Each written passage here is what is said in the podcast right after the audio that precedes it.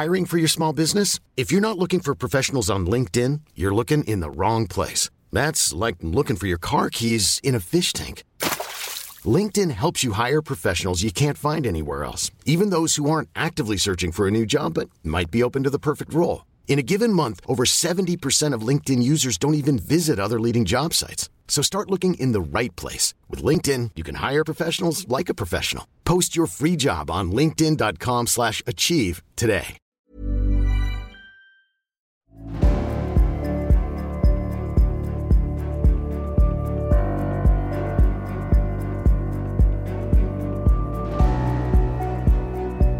Du lyssnar på podcasten Samtal, en podcast med fokus på fria samtal. Den här podcasten presenteras av tidningen Bulletin. Om du vill få tillgång till samtal sju dagar före alla andra så kan du gå in på www.bulletin.nu och bli prenumerant. Då får du också ta del av hela Bulletins premiumutbud. Kom ihåg att Bulletin också finns som app till både iOS och Android. Länkar hittar du i beskrivningen till det här avsnittet eller på min hemsida www.samtal.ax. Jag släpper nya samtal alla onsdagar året runt och jag tar tacksamt emot tips ifall det finns någon du vill höra i podden. Idén bakom podden är att fokusera på fria samtal. Jag tror att öppenhet är grunden för det demokratiska samtalet och jag vill uppmuntra dig som lyssnar att exponera dig för samtal med någon du inte håller med. Jag heter Jannik Svensson och du lyssnar på podcasten Samtal. Du lyssnar på podcasten Samtal. Även denna vecka med de vikarierande bönderna Per-Ola Olsson och Rickard Axdorff. Även vi tror på fria samtal utan pekpinnar och allt för många rågångar. Vi tror också på att lyfta fram och ge röst åt de som normalt inte syns eller hörs så värst mycket i samtalsdebatten. Gillar du det du hör och vill lyssna en vecka innan gratislyssnarna kan du alltid teckna en prenumeration på Bulletin. Förutom podcasten Samtid, Samtal och den eh, minst lika eminenta podden Bondepraktikan får du även tillgång till allt Bulletins premiummaterial. Det här är samtal med bönderna Per-Ola Olsson och Rickard Axdorff.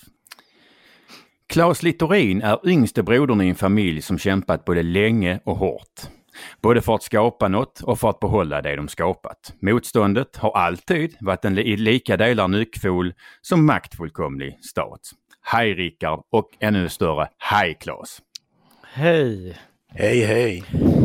Innan vi släpper in Claes på allvar så hade du någonting du ville läsa upp Rickard? Ja, men jag, jag funderade lite grann på hur vi skulle på något sätt slussa in lyssnarna på, på dagens ämne. Och då kom jag att tänka på att jag skrev en liten text till Nya Värmlands Tidning som heter eh, Med Ängsö som, med Ängsö som, som ideal. Så att eh, med eh, om det är okej okay med dig så skulle jag faktiskt vilja läsa den. För att vi ska hamna i stämning. Ja, helt okej. Okay. Eh, då, då läser jag den. Torparen Karl Edvard Karlsson bodde på Ängsö i Stockholms skärgård för drygt hundra år sedan. Där levde han av och med naturen. Tack vare hans och tidigare generationers strävsamma arbete med lieslotter och betande kossor var det ett öppet landskap med ett myller av ovanliga växter och djur. Med den begåvade sommargästerna ansåg att torparen han var ett hot mot naturen.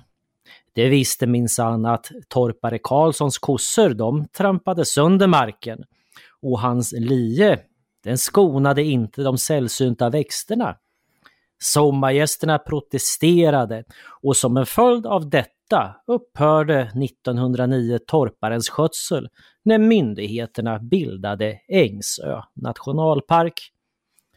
När eh, Karlsson eh, flyttade från ön 1927 hade naturen tagit över.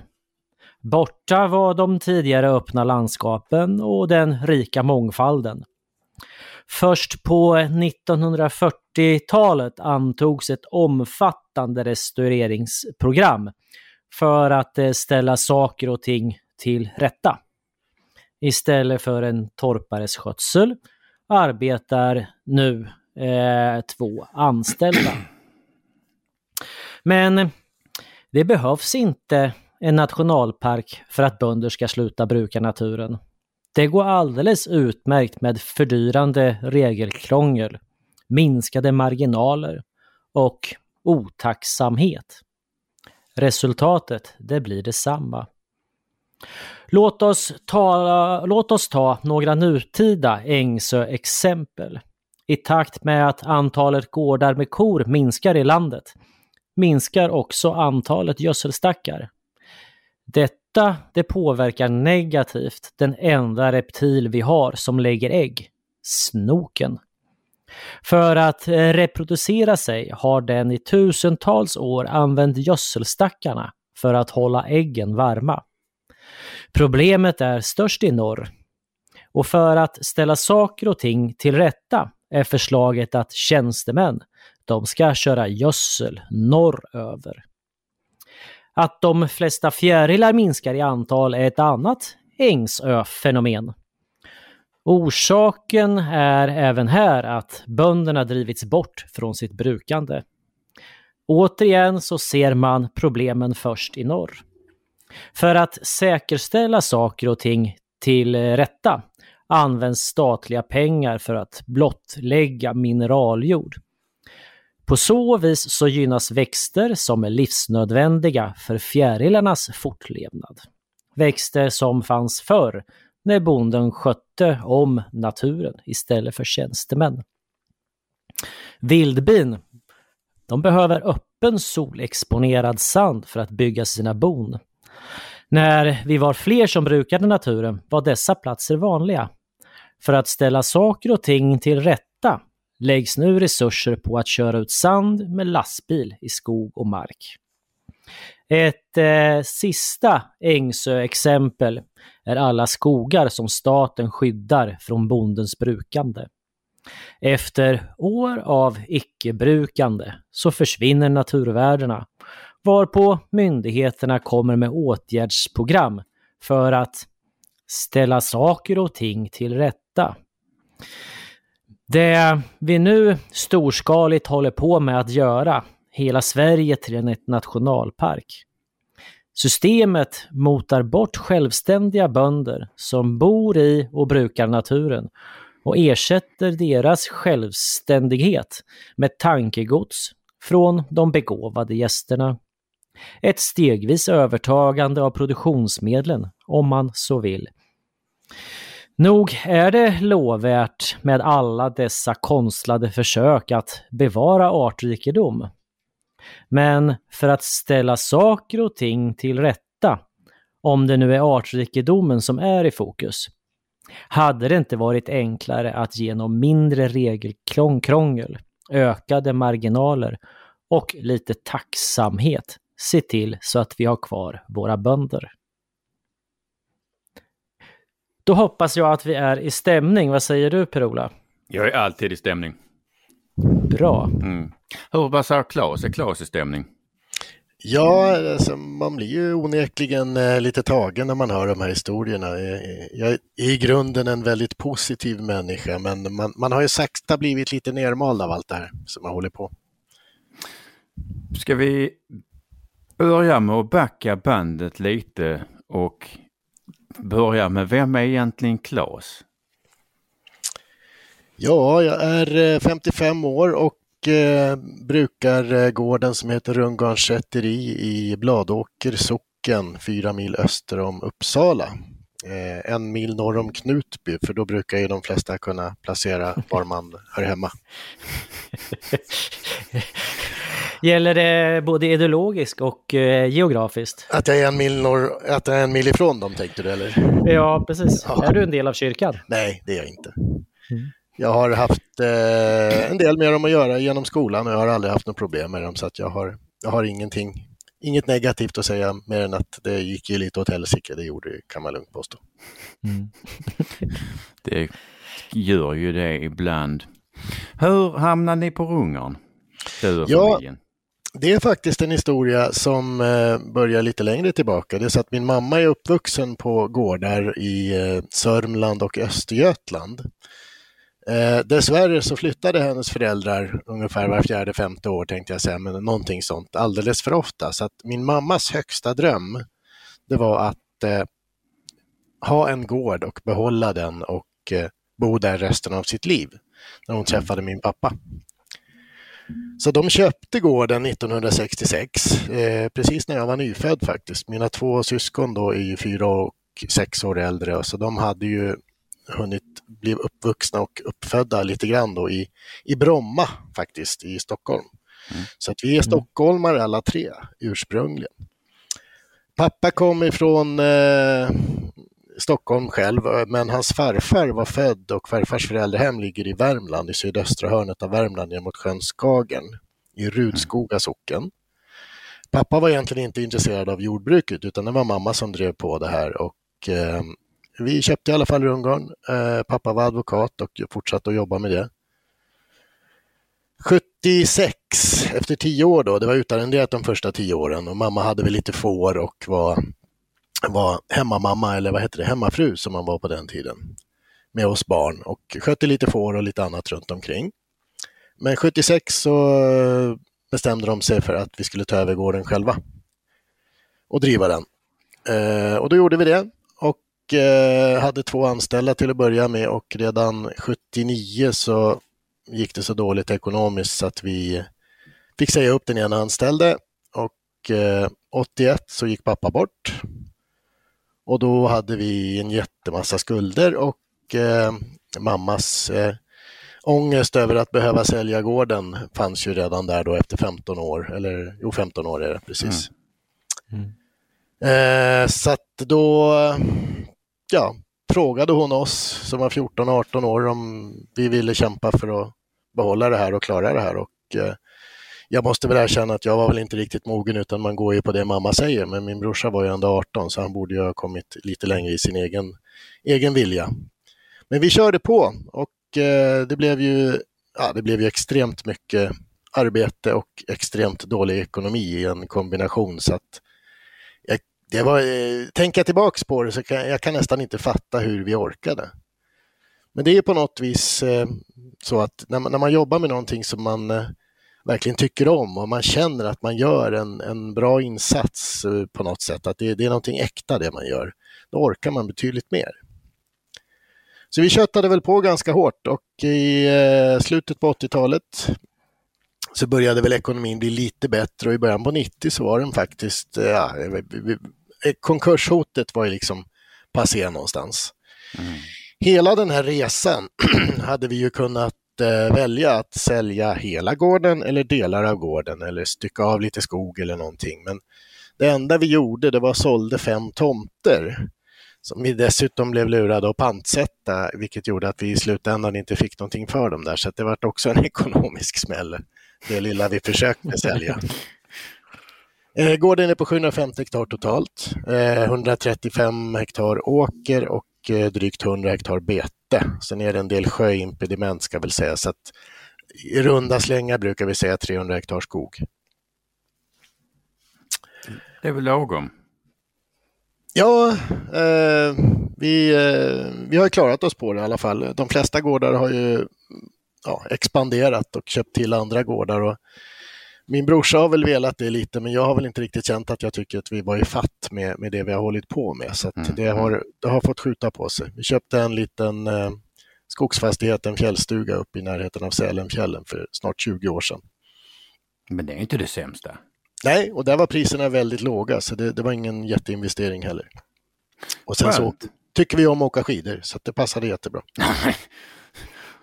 det är väl alla tider, så på sig Åka mm. skidor? Mm. Ja, ja, jag, jag ska inte säga någonting. Men, Nej. Eh, det... alltså jag kommer från Skåne som ja. hörs. Så alltså, skidor tillhör kanske inte topp 20 av mina favoritsysselsättningar. Nej, det är en liten stuga där uppe i alla fall, så det är ett gammalt hemman. Så att man känner sig, eh, ja, det är rofyllt och avsides men ändå ganska centralt till backarna. Så det, det är fint, jättefint. Underbart ju. Ja. Mm. Men det har ni möjlighet att koppla av. Du, du berättade innan, alltså du, eller du, du tangerade att vissa saker, eh, eller du var lite, hade varit, blivit lite nerbruten. Ja, det hände ju då som sagt när, när vi ändå liksom fick ekonomin i balans. Vi, det var ju fortfarande inte så att man eh, sprang omkring i, i guldbrallor och sånt där. Va? Men eh, ekonomin var ändå okej. Okay. Vi kände inget ekonomiskt hot. Så i, runt millennieskiftet så damp det ner ett brev på posten då och eh, då hade vi fått nyckelbiotoper på 120 hektar och höga naturvärden på 30 hektar. Och det här förstod vi inte riktigt vad det var först då. Eh, om man ska backa bandet lite så kan man väl säga att eh, på 70 och en bit in på 80-talet faktiskt så hade vi Skogsvårdsstyrelsen på oss eh, att vi skulle ta bort sån här så kallad 5:3-skog eller tras och restskog som de kallar det. Eh, och ironiskt nog så är det här samma mark som eh, i stora delar i alla fall blev nyckelbiotopstämplad sen. Så att vi blev eh, mer eller mindre tvingade att hormoslyrspruta det här och eh, skulle röja bort det. Men eh, min mamma var inte så sugen på sånt där, speciellt hon faktiskt, för pappa gick väl lite mera på, på myndigheternas linje. I och med att han var advokat så tyckte han väl att man skulle göra så kanske, jag vet inte. Men... Din mamma verkar sådär väldigt drivande, en drivande kvinna. Ja. Eh, vad, eh, du berättade lite grann om, om hennes uppväxt. Vad, vad, har hon liksom berättat om hur, hur livet var när hon växte upp? Ja, men det, det, var ju lite det här med, med flyttandet så att säga från olika gårdar som hon tyckte var väldigt jobbigt. Eh, eh, mm.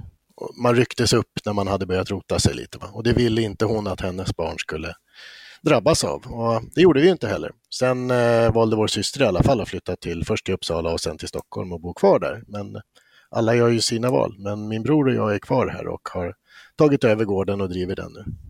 Sen, mm. ja, sen 81 tillsammans med, tillsammans med mamma och eh, mm. jag vet inte exakt när mamma gick i pension. De, de, hon fasades liksom ut så att, men under 2000-talet så har de väl varit mer marginellt kan man väl säga, utom alldeles i början kanske. Spännande. Hon är ändå 88 år idag. men mamma lever i alla fall? Ja, det gör hon. Ja. Ja. Bor ni allesammans på, på gården eller hur funkar det? Eh, vi bor på gården alla tre, ja. Eh, så det, det funkar bra.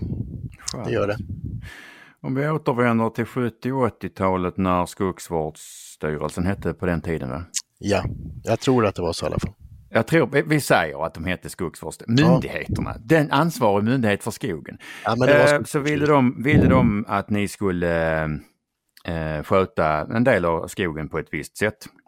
Mm. Eh, och du berättade om 5.3-skogar. Är det någonting du kan förklara för, för de som lyssnar och inte vet vad 5.3-skogar är? Nej, men det, det, var väl sånt som inte var, eh, ska vi säga, passade in i sågverksindustrins och skogsindustrins mallar. Va? Det var ju inte gran och tallskog utan det var Nej. ju ek i huvudsak, men väldigt mycket annat eh, Eh, andra lövträd, en del, alltså vanliga asp och björk, men mm. även eh, sälj och, och, allt möjligt. Alla, alla möjliga sorters lövträd i princip. Så om man ska paketera det eller sammanfatta det lite så hade ni eh, ganska vackra skogar som staten ville att ni skulle eh, ta ner och plantera gran på alltihopa för att hålla sågverksindustrin med virke. Ja, och samhällsekonomin var ju driven åt det hållet. Och, och det, det finns ju positiva saker med det också. Jag menar, vi har ju Absolut. byggt vårt välstånd väldigt mycket på grund av eh, att vi har skött skogen så bra som vi har gjort. Absolut. Och nu har ju vi haft, vi har ju mycket produktionsskog också. Men de här delarna, liksom, ja, jag vet inte. Det, det kändes som det var, det var, det var mycket vilt där och det var såna, det är andra värden som man, som man värderar som ägare och brukare av en mark. Ja, ja, men så är det ju. Det, det är ju alltså, det tror jag inte många förstår, men, men man brukar ju, man brukar ju ändå med hjärtat. Ja. Men man hade, alltså, hade inte, alltså, det var ju, eh, vad ska jag säga, det var ju någon form av, det var ju med hjärtat som, som främst din mor och, och far köpte gården för att din mor hade uppenbarligen någon form av behov av att få bo på samma ställe, ha en gård. Eh, det var med hjärtat som gjorde att ni inte sket i det 1981 när du var 15. Ja, det var med hjärtat som gjorde att ni, ni, ni liksom kämpade som några jävla djur och, och lyckades reda upp skit, alltså lyckades reda upp ekonomin. Och det var ju med hjärtat som gjorde, som gjorde att ni hade skapat de här och vi skapade och dessutom ville behålla de här trevliga miljöerna som eh, staten ville plocka ner och sätta gran även där. Ja men så är det ju. Det, det, det, finns, det finns många värden i att ha en, eh, en olik, eh, alltså skogar och marker som är olika. Man är eh, trycker på lite hårdare på vissa och man låter vissa vara som de är för att man tycker det är vackert och man ser värdet i det. Men så är det. Men det, det är som sagt ett, ett ganska så kärleksfullt brukande på något vis känns det som ändå. Ja men vi har ju vikt våra liv åt det här. Alltså det, det är ju en del, hela gården är ju en, en del av våran själ kan man väl säga. Va? Att, eh, det är klart att man, man känner ju en enorm stolthet över att vi faktiskt lyckades med det här. Att vi har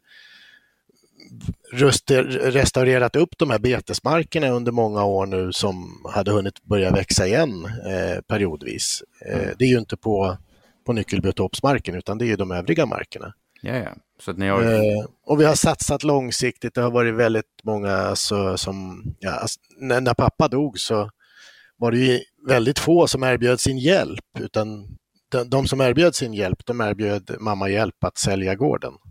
Mm. Mm. Eh, och det vart ju kanske en, en liten trigger också att visa att vi skulle klara det här. Va? Och det, mm. det gjorde vi. Nu sitter vi på en gård som är, som är värd väldigt mycket, men det är ju ingenting som man eh, har någon glädje av eh, förrän man säljer den om man säger så. Utan det är ju vad man kan få ut av den ekonomiskt som är intressant. Och naturligtvis då eh, känslan av, av alltihopa med hjärtat som du säger. Alltså, jag, ja, Rickard.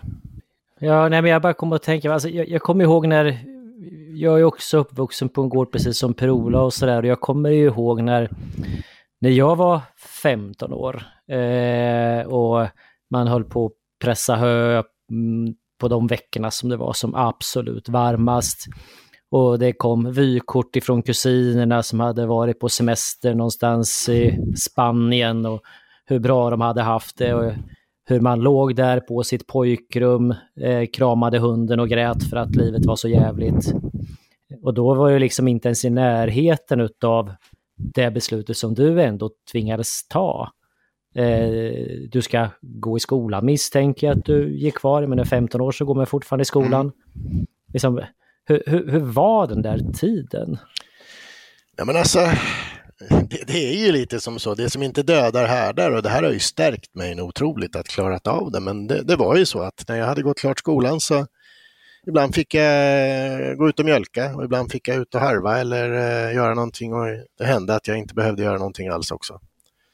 Och sen så skulle man ju hinna med gymnasiet också då, jordbrukslinjen då, och uh, då var det också likadant så att uh, det, det var mycket. Men ja, det har stärkt mig som människa, det är jag helt övertygad om. Oh ja, Eh, som sagt, det som inte dödar det härdar. Men det är ju, jag tror att det är få moderna människor eller rättare, som, som kan tänka sig in i det här med att man, man kommer hem från skolan och sen fortsätter man med en vuxens arbetsuppgifter. Ja. För menar, det är liksom, alltså, det, det, alltså många av oss har ju gjort det och, och, och Claes lite mer än många andra. Men, men eh, jag tror att folk för, har svårt att förstå det här med att man, man liksom kommer hem från skolan och börjar jobba.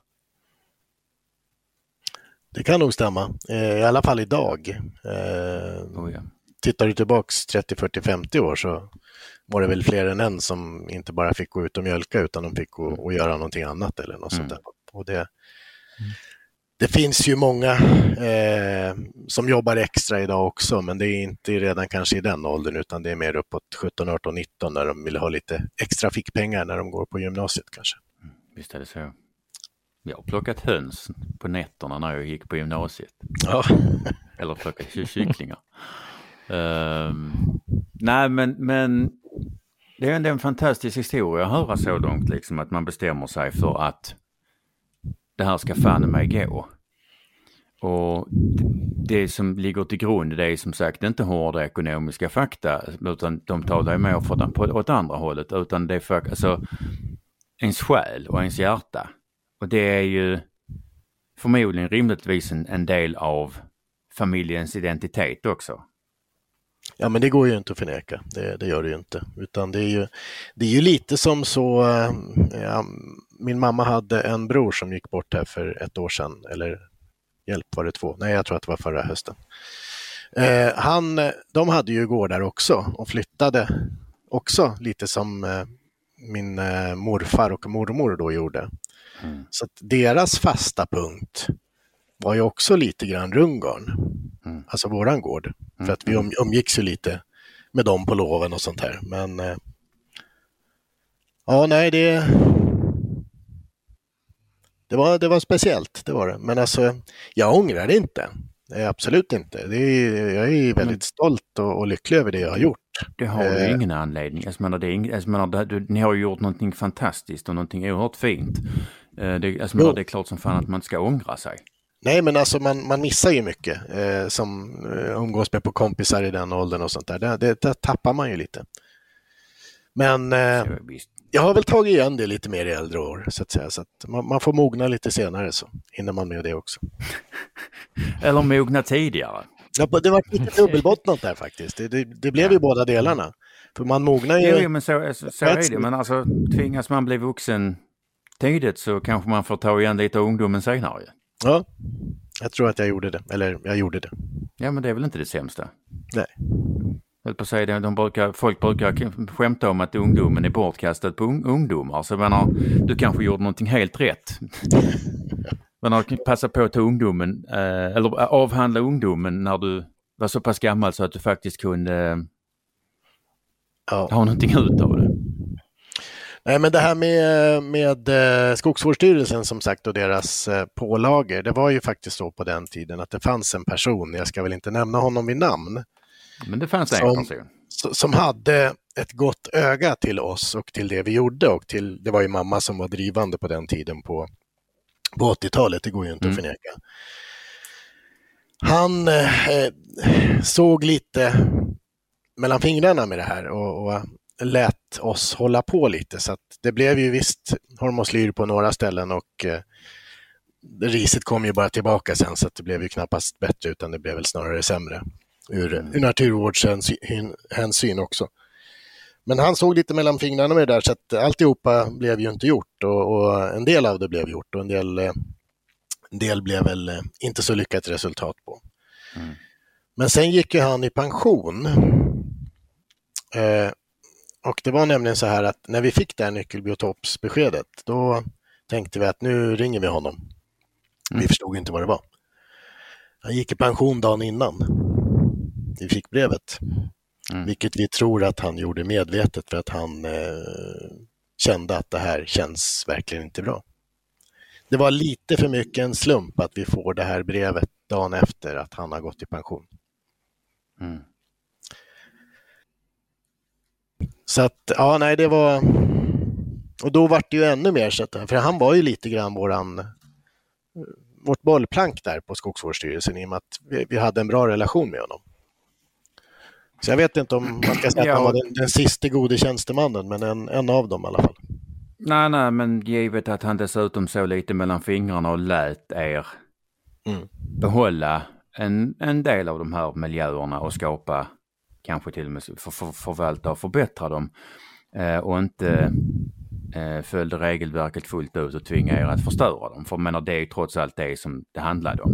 Mm. Ehm, så får man väl ändå säga att någon form av liten skyddsängel också, för han, menar, han höll ju sina kollegor borta från er. Ja.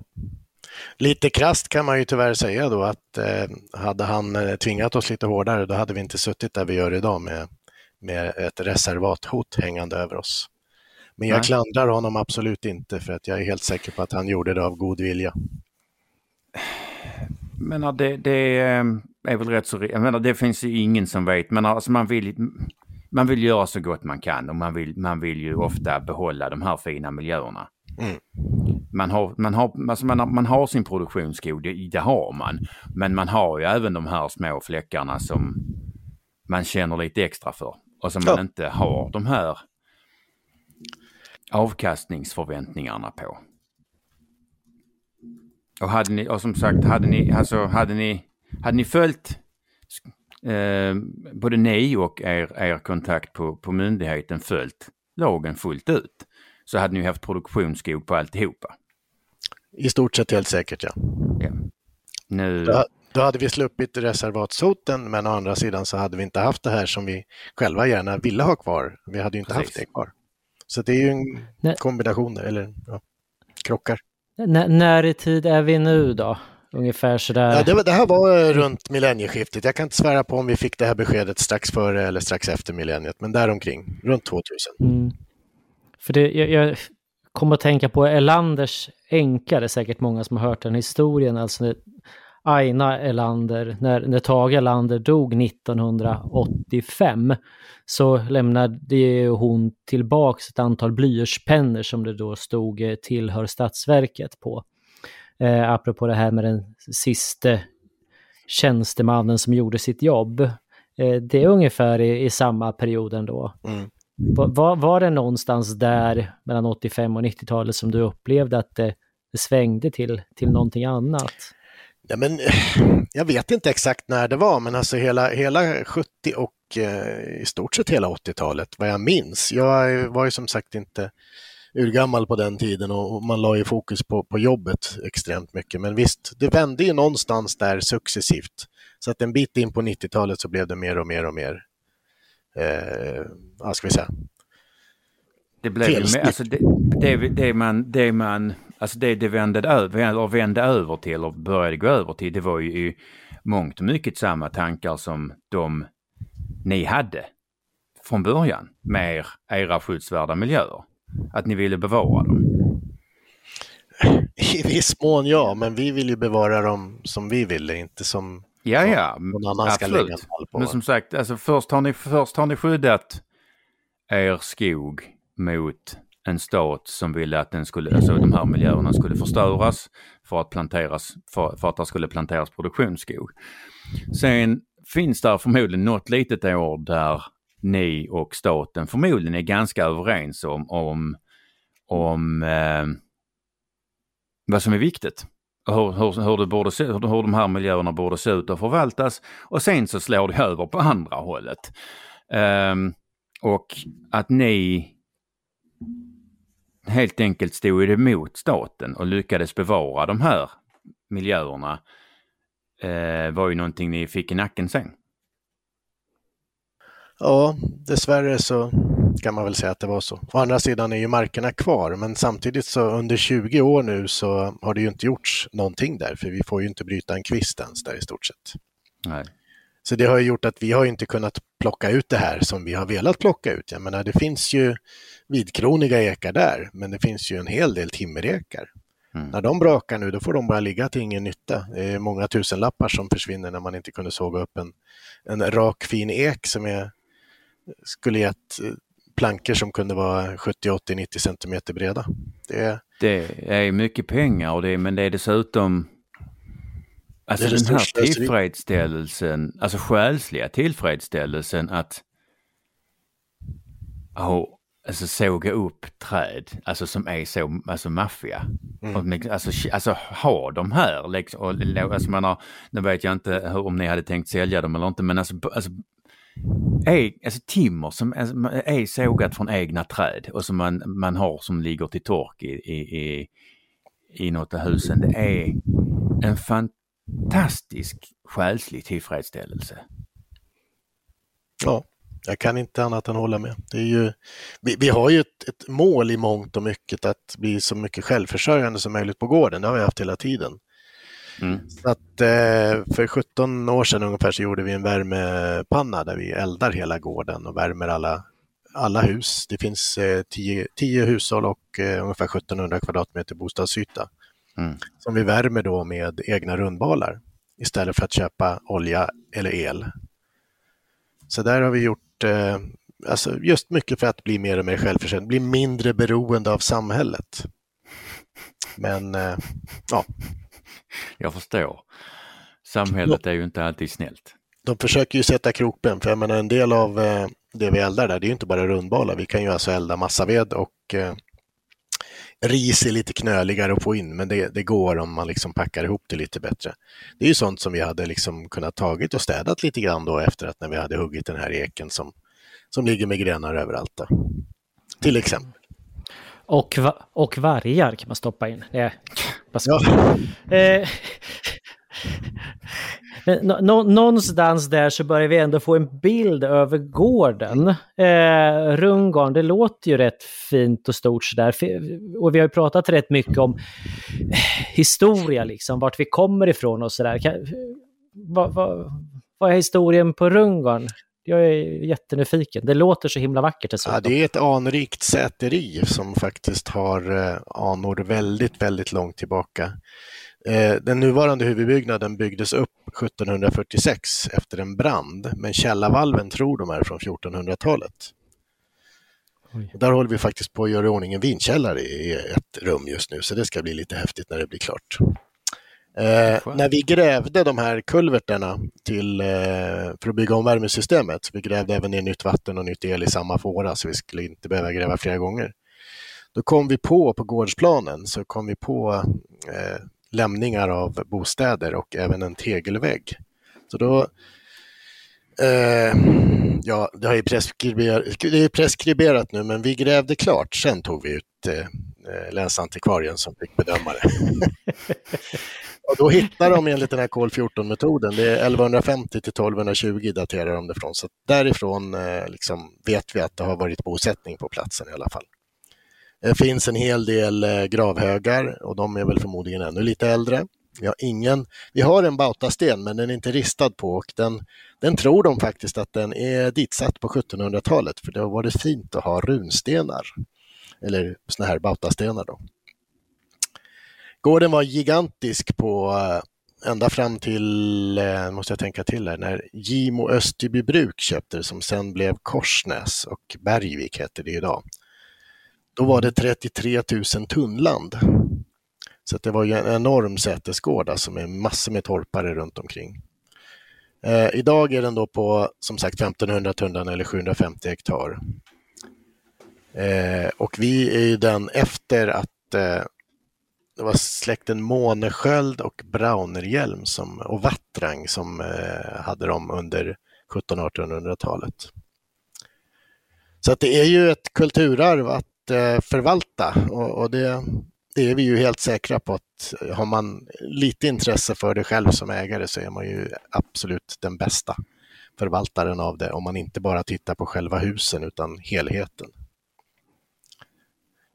Så, så här har det bott människor i urminnes tider och brukat de markerna som är utanför er? Ja. ja. Utan att världen har gått under? Mm. Så är det. Och run, står det för run, runsten då? Nej, eller? vi har forskat lite i det där men vi har inte fått någon riktigt eh, klarhet i var de kommer ifrån. Det är ju, garn är ju ganska vanligt och det finns ju några här omkring och det finns ju några i, ja, här omkring i Uppland då. Så finns det även lite på Gotland. Och det, det, har de väl trott att det är någon sorts tillvridning av gården eller gårngarn. Men nej, jag, jag har ingen riktigt bra förklaring till, eh, till det där. Fantastiskt. Men då är det i alla fall en gård med anor. Ja, det kan man lugnt påstå. Tror, tror du att eh, det ligger er i fatet då på början på 90-talet när det började på stramas åt ifrån myndigheter? Alltså att man, man har att göra med några som bor på stor gård eh, där man kanske tror att det finns en, en stor ekonomi och Eh, ja, alltså avundsjukan är ju, den är ju ökänd. Eh, vet inte eh, om det var redan då, men att det i dagsläget, sista tio åren drygt i alla fall, har det ju känts som att det är en, eh, en aktivistisk agenda hos myndigheter att eh, ja, jävlas med oss helt enkelt. Jag kan väl säga att jag tycker ändå Länsstyrelsen skötte sig hyggligt fram till någonstans där 2010, men det blev någon sorts skifte där. Jag, jag tyckte man kunde ha människor som man kunde ha en vettig dialog med och idag tycker jag de kan ju ingenting. många av dem som kommer ut. Alltså de som kommer ut och ska inventera, man är ju Ja, jag vet inte. Eh, jag vet inte hur mycket tid vi har, men jag kan dra en kort historia. Vi, vi ville göra ordning några slåtterängar nere vid sjön. Eh, för vi fick nys om att man faktiskt fick ganska bra stöd för det och tyckte att ja, men det där kunde vi göra, det passar bra för oss att göra hö som vi kan bara elda upp i våran panna. Det blir en win-win. Vi gör en, naturen och miljön en tjänst som myndigheterna vill och vi får en skaplig peng för det och kan dessutom använda materialet att elda upp. Då. Så då gjorde vi det på fyra hektar och det gick jättebra ner mot sjön. Och eh, det där gick ju så bra så vi tyckte att ja, men vi har ju faktiskt sju hektar till här borta men det behöver restaureras för det är massa buskar och grejer på. Så vi tog ut dem igen och eh, det gick runt en, en eh, eh, tjänsteman där och tittade och sa vad vi skulle göra då. Då tyckte jag att ja men okej, vi köper det här. Vi skulle få ungefär 50 000 i restaureringsstöd för det. Och det tyckte vi att vi kommer inte att gå plus på det direkt, men på lite sikt kommer vi gå, gå ihop sig helt okej. Och eh, känns lite kul att ta tillbaka den här marken på något vis och bruka. Så vi fräser upp, eh, lägger in en nyodlingsfräs som kör upp eh, ungefär hälften av det för att det var mycket stubbar. Eller ja, först fick vi ta bort alla säljbuskar och sånt som var där. Kosta på det, vi putsar av resten och ser till att det inte ligger massa annat skit överallt. Kommer fram till att eh, ja, men det blir bra det här och så kör vi på. Året efter då så gör vi en ansökan, en sån här femårig ansökan som man gör på att eh, eh, köra det här som slåtteräng då och få den här ersättningen. Och då kommer de ut och kontrollerar och då är det samma tjej som kommer ut som var ute och, och talade om för oss hur vi skulle göra när vi restaurerade och sen dessutom var ute och godkände restaureringen. Underkänner 96 procent av den här nya delen. Därför att eh, det är för dålig växtlighet eller så är det för mycket vass. Eh, mm. och vi sa, men snälla du, vass var det förra året med, den försvinner inte efter ett år. Du måste slå den ganska många år och helst två gånger om året för att du ens ska få ner den på normal nivå. Mm. Ja, nej, jag visste inte det då.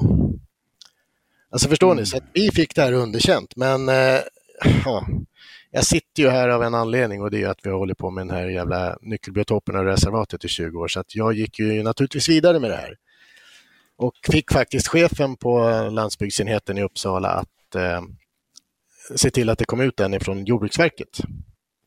Han kommer ut, tittar på det här, går runt med oss och så säger han, men det här ser bra ut, sa han och så godkände han alltihopa. Så han underkände deras arbete. Men det är ju sorgligt att man ska behöva ens ta den striden, förstår ni? Jag menar, det, det är ju förjävligt. Alltså, vi har lagt ner en massa jobb på det här. Vi, vi ligger ju långt back, vi ligger säkert 50 000 back när vi börjar, fast mm. vi har fått restaureringsstödet. Mm. Och så underkänner de det på grund av sin egen inkompetens. Ja. Nej, nej, jag är inte alls förvånad. Jag kommer ihåg för massa år sedan. Eh, jag hade syn av betesmarkerna. Det kom ut någon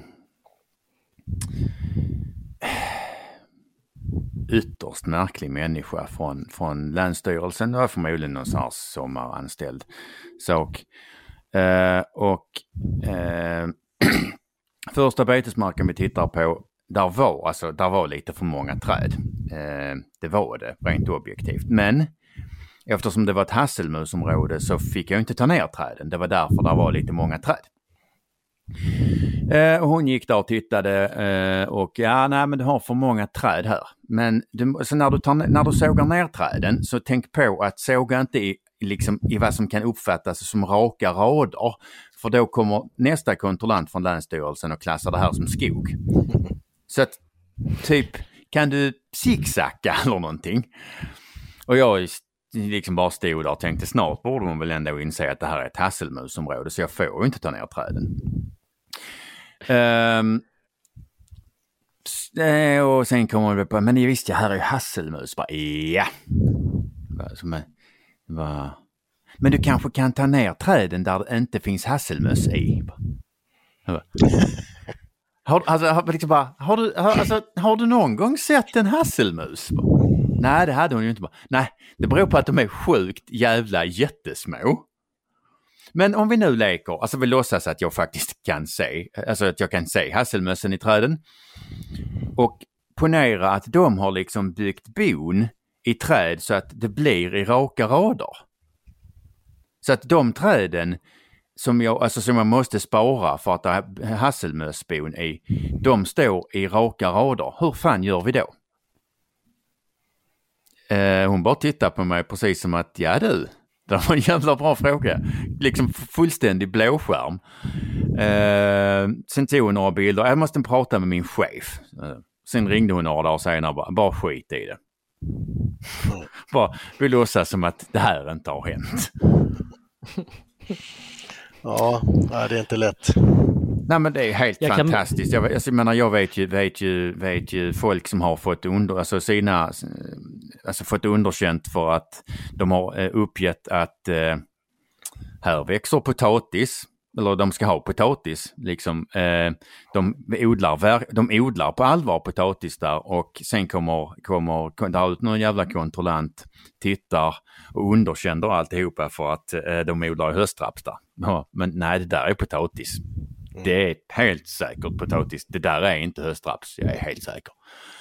Så det, det, ehm, det är inte bara fruktansvärt rättsosäkert. Det är ju eh, samtidigt en extremt stor inkompetens. Ja, tyvärr, ofta. Jag kan väl till den här tjejens försvar kan jag säga att hon var inte en sån här som jag kände att hon var ute efter att sätta åt oss, utan hon var nog bara styrd eh, av klimatet på Länsstyrelsen att vi ska göra det så jävligt som möjligt mer eller mindre. Det, det, var, det var min känsla. Men hon slutade faktiskt efter det. Ehm, hon har inte, hon det är väl en ganska så förhärskande, eller en, en, min bild är väl att det är en ganska förhärskande uppfattning eller, eh, på, på länsstyrelserna att man ska göra det eh, så jävligt som möjligt. Vi äger och vi föder ofta upp djur och de två sakerna är, faller inte i godo hos de här som är lite aktivistiska kan man väl säga, utan överdriva. Nej, nej. nej. nej, det är... Eh,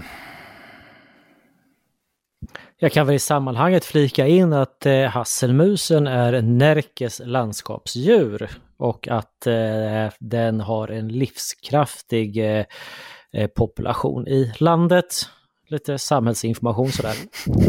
Eh, däremot så kan man få stora problem om man upptäcker hasselmus om man vill avverka eller sköta eller bruka sin mark.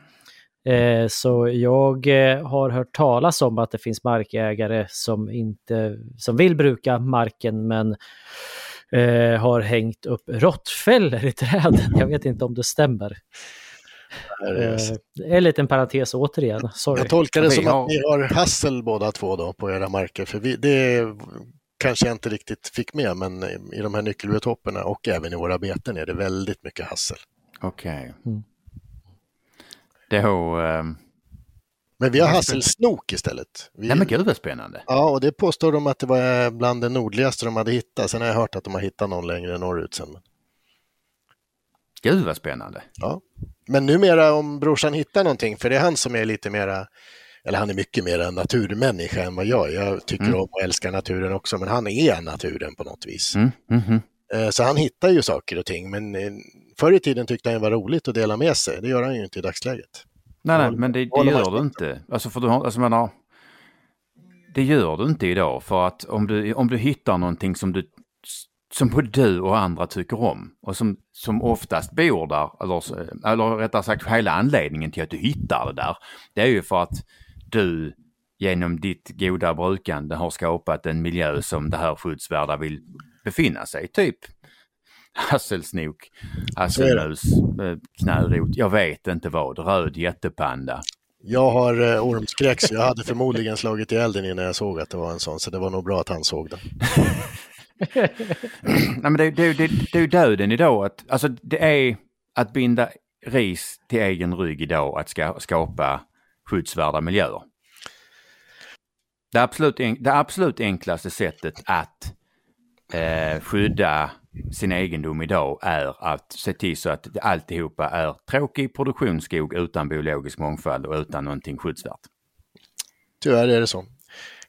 En parentes i det hela är ju egentligen att alla, alla som känner oss och som vet att vi har råkat ut för det här och så kan de ibland komma och fråga då, eller det var ju mer, mer förr, nu vet ju alla om det, men hur ska vi göra för att inte få nyckelbiotop på våra marker?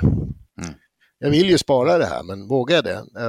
det? Jag kan inte annat än säga till dem, nej det vågar du inte, för då riskerar du att bli av med marken. Precis. Sen får de ju välja själva och ni kan ju räkna ut själva att det, är ganska mycket av sånt som man eh, skulle anse vara biologisk mångfald eller som bevarandevärt eller skyddsvärt som har försvunnit just av den anledningen, att man är rädd att bli av med marken. Japp. Det är ett helt fantastiskt system man har skapat. Totalt kontraproduktivt är det. Ja, alltså dels, dels är det extremt kontraproduktivt. Dels, dels menar, man begår ju även våld, alltså förutom att begå våld på naturen så tvingar man ju, alltså så begår ju de här människorna ofta även våld på en del av sig själva för att alltså, man vill ju inte man vill ju inte ha, alltså röja de här skyddsvärda miljöerna för att man har skapat dem och man vill ha kvar dem och de gör en glad. Men om någon ja, sen... skulle hitta dem så blir man av med dem. Ja. Sen är det ju eh, helt krasst så att samhällsekonomiskt så är det en katastrof. Dels så får vi inte ut något virke alls ur den här skogen, vilket vi skulle få annars. Mm. Och dels så kostar det ju samhället gigantiska summor att sköta alla dessa reservat och dessutom lösa in mark och betala ersättningar för det. Mm. Så att det är ju, alltså det är, det är, det är så kontraproduktivt och fel alltihopa så att det, det går inte att beskriva nästan. Nej, det är ett fantastiskt system. Som, ni började i alla fall som sagt, eh, ni skapade, ni höll emot staten, eh, ni hade en, en eh, trevlig eh, tjänsteman som lät er skydda en del av er skog. Ni lyckades skydda de här, skydds, eller de här extremt trevliga miljöerna. Ni har dessutom lagt jobb på att försöka skapa lite fler trevliga miljöer. Och sen började samhället istället för att kräva att allting skulle bli produktionsskog värna de här och skydda de här miljöerna som, som bland annat ni hade skapat.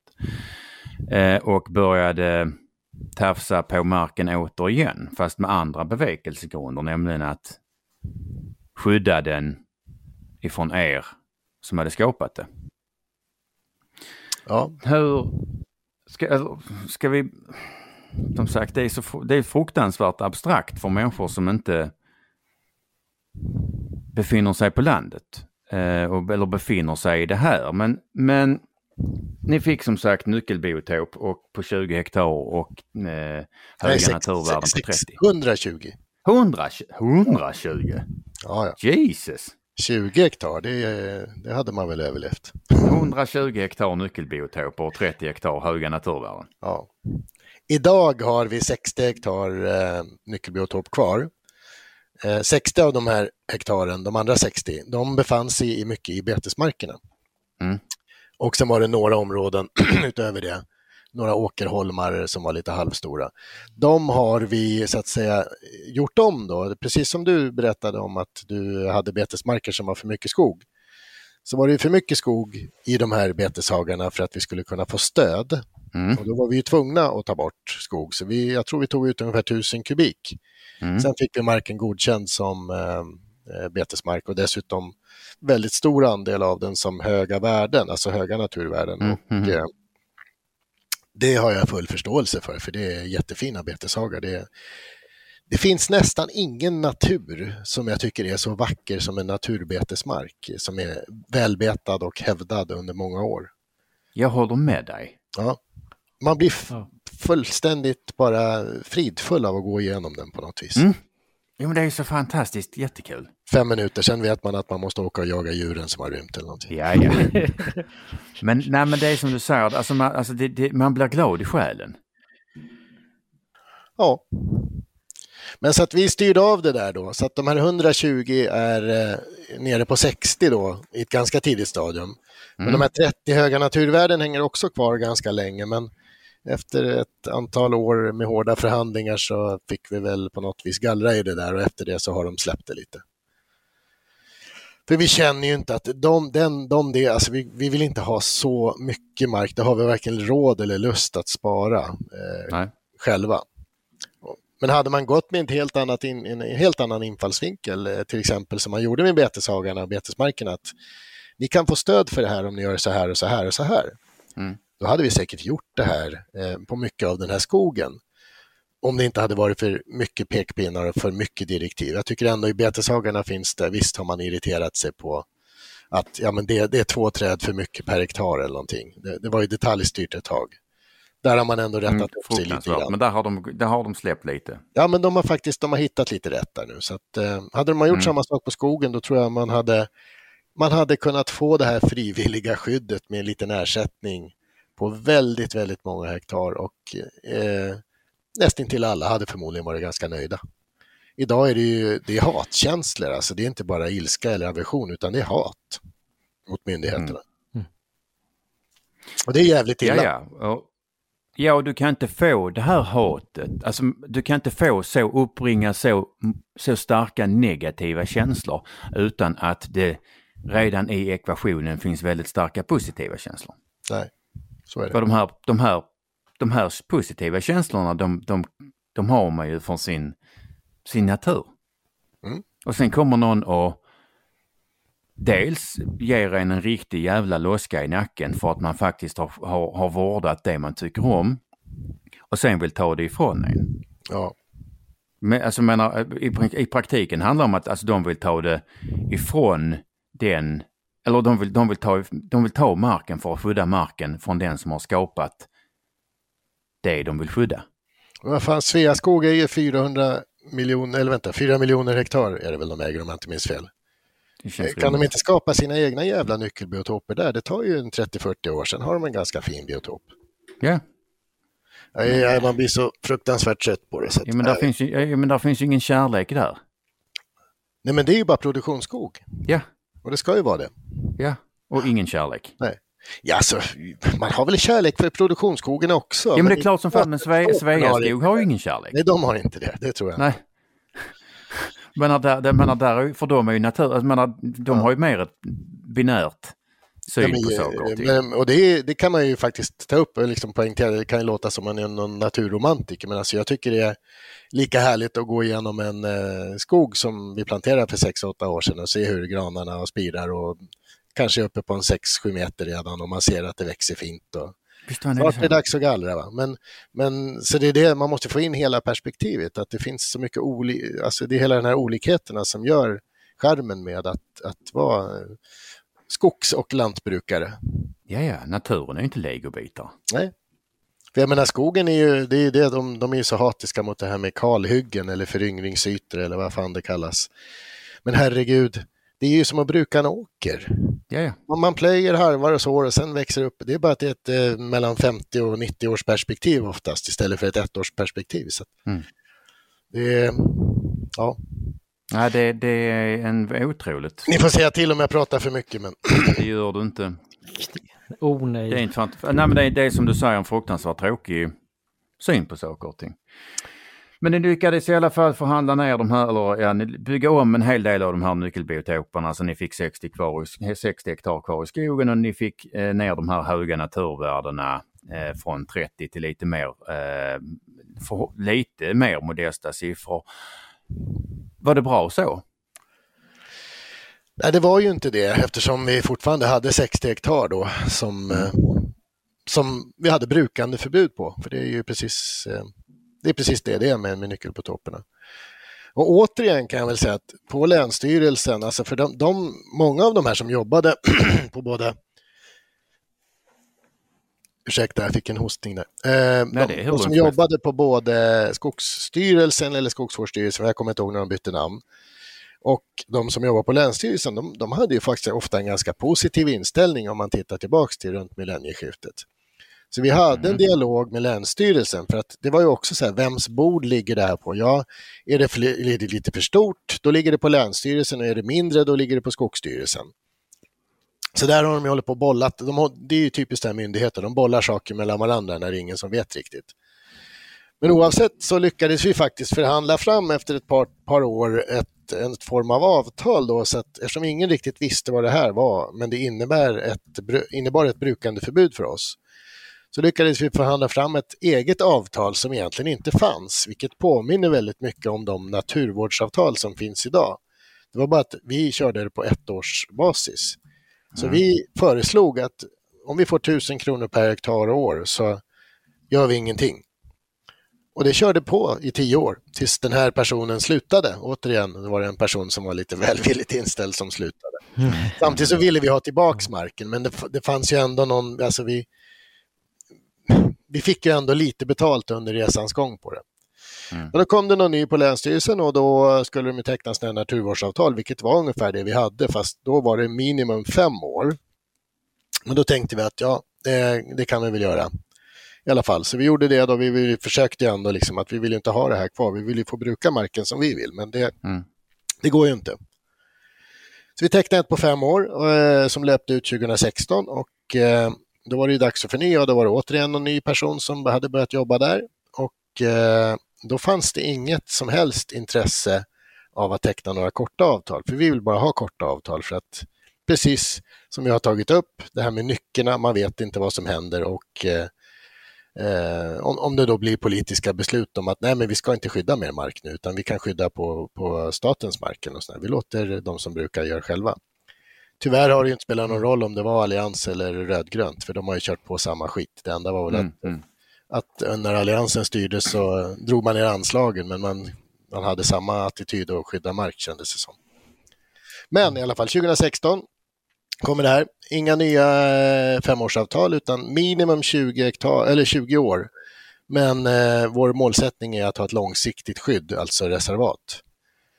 Eh, vi var inte intresserade av det här, för vi vill inte ha så långa skydd det, utan, eh, och vi vill absolut inte ha reservat eftersom det är vår mark som vi faktiskt har kämpat för att kunna behålla.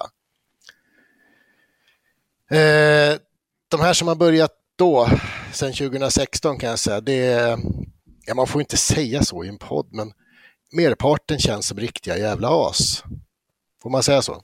Oh ja, gud ja. ja. eh, och framförallt så är det ledningen som jag tror trycker på, för det finns enstaka tjänstemän som man har känt att, att de tycker inte det här är riktigt roligt. Oavsett vilket då så är det det och eh, vi var inte välkomna att diskutera men vi sa vi måste ju få något, någon form av avtal här nu för att vi, eh, är, eh, vi får ju ingenting för det här nu och vi har brukandeförbud på 60 hektar av vår mark.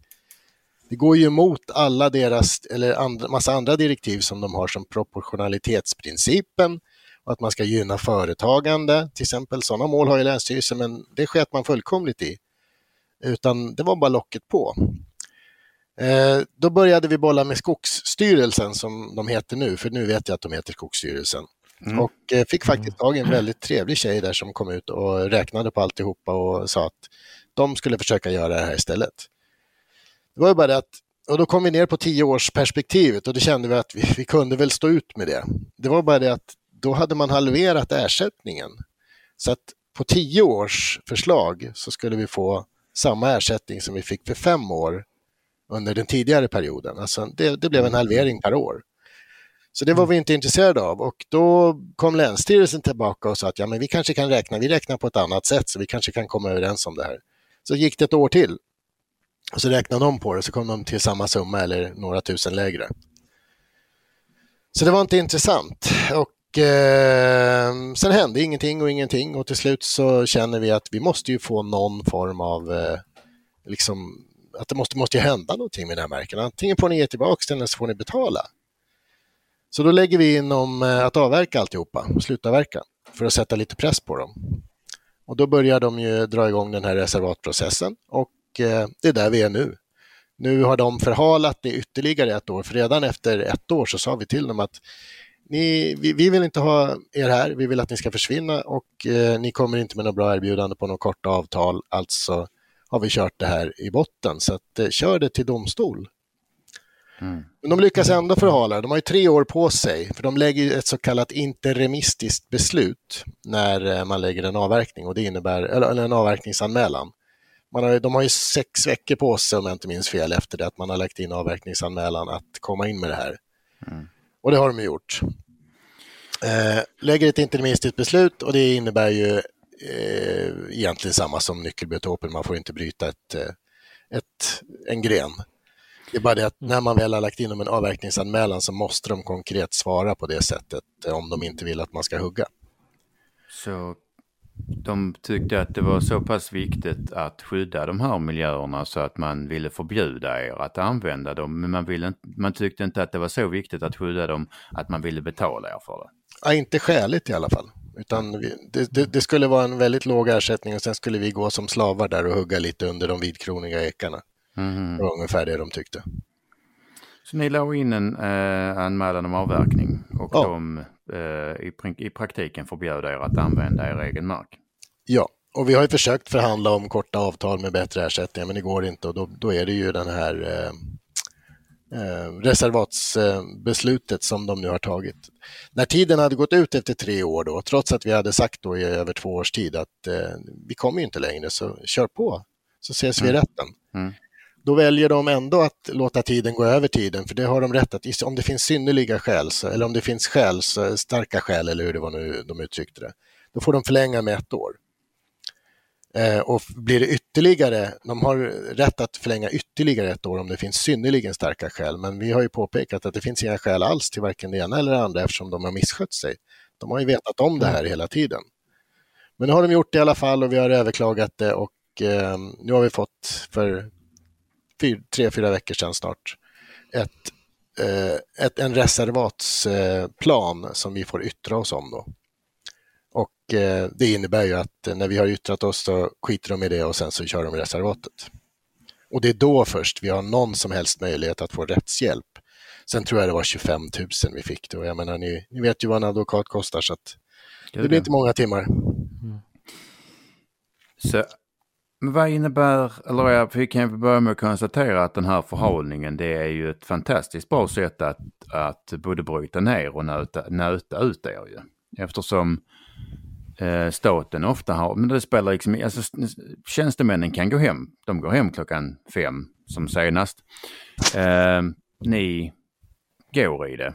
Eh, för dem handlar det inte om deras liv eller deras själ. Det, handl menar, det handlar bara om att, tja, synd för familjen Littorin. Um, som ändå man, sitter på en, och, ett stort säteri tycker de antagligen. Med sina... Ja. Uh, och som, som uh, man dess, när man dessutom, alltså när man, när, det är en enormt stor skillnad på att ha rätt och få rätt och vi ser ju att, att det allmänna ibland har som tradition att helt enkelt trötta ut den lille för man har inte varken ork eller råd att kämpa eller slåss hur länge som helst. Nej, så är det ju. Vi har ju hållit på i 20 år så att det, de har inte lyckats riktigt med oss ändå, men nu är det väl snart spiken i kistan. Mm. Vad innebär en reservatsbildning för er? Den innebär eh, med största sannolikhet att eh, vi kommer att, att tappa sugen och, och lägga ner alltihopa eh, med, med beten och hela balletten. Eh, än mer blev det ju tydligt när eh, det står i de här reservatsplanerna att eh, de skulle vilja hålla djur där. Betesdrift, för att det har ju varit bete där om man tittar tillbaka. Det är därför mm. det är mm. vissa typer av eh, mm. biotoper också. Jag med, jag med. Eh, den dialogen har de aldrig fört med oss överhuvudtaget innan, utan eh, det gör de nu och då då känner vi ju ännu mer att eh, det kommer förstöra, eh, alltså, alltså det kommer ju inte att gå eh, överhuvudtaget. För om vi ska ha djur, om de ska ha nötdjur där nere, då eh, vill ju inte vi ha våra djur som springer granne med dem där. För att jag menar, det, det, det, blir ju så. Djur rymmer gärna till varandra. Vi har ju en, en koflock med tjur och hela balletten. Så mm. Det funkar inte. Och dessutom så var det uppsplittrat. Eh, och ska de ha får istället till exempel, då är det ju frågan om att, eller de, det kanske man måste ha på nöt också i framtiden, att man måste ha sådana här rovdjursavvisande stängsel som är tre meter höga, fullt med ström. Eh, det kommer att påverka jakten enormt. Eh, vi har väldigt mycket vildsvin och våra jägare som vi har är ganska duktiga på att sköta det så att de håller ju undan grisarna från åkrarna. Gör de inte det så kommer vi inte att eh, Alltså det kommer inte bli kul att bruka marken när man har fått vildsvinsskador. Det vet alla som har, som har haft en uppökad vall eller för all del uppäten havre eller veteåker när den försvinner 3-4 hektar på en natt. Mm. Nej, nej, det går inte. Nej, så att eh, det lutar väl åt att vi lägger ner alltihopa. Eh, sen om det blir djurhållningen är väl i stort sett eh, ja, brorsan har i alla fall bestämt sig helt. Jag har väl inte riktigt bestämt mig, men hur mår din bror? Han mår, eh, jag tror han mår mycket sämre än vad jag gör av det här. Eller jag vet att han gör det. I att han natur, är... nat, alltså naturmänniskan i familjen, han som har tyckt om att gå och hitta saker eh, och berättat om dem för dig, det är han som far mest illa av statens förment, förmenta ja. skydd av naturen. Så är det.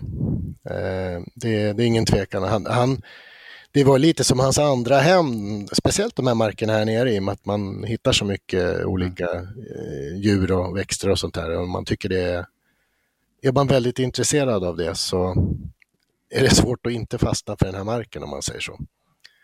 Så att han mår pissdåligt av det och eh, sen, sen sa han att jag vet inte, nej, alltså jag vet inte vad jag kommer göra sa han, men eh, jag tror vi kommer inte att fortsätta för det kan mycket väl bli så att jag sitter i fängelse sa han, så jag vet inte vad han tänker sig att göra, men alltså det, han, är så, han är så fylld av hat.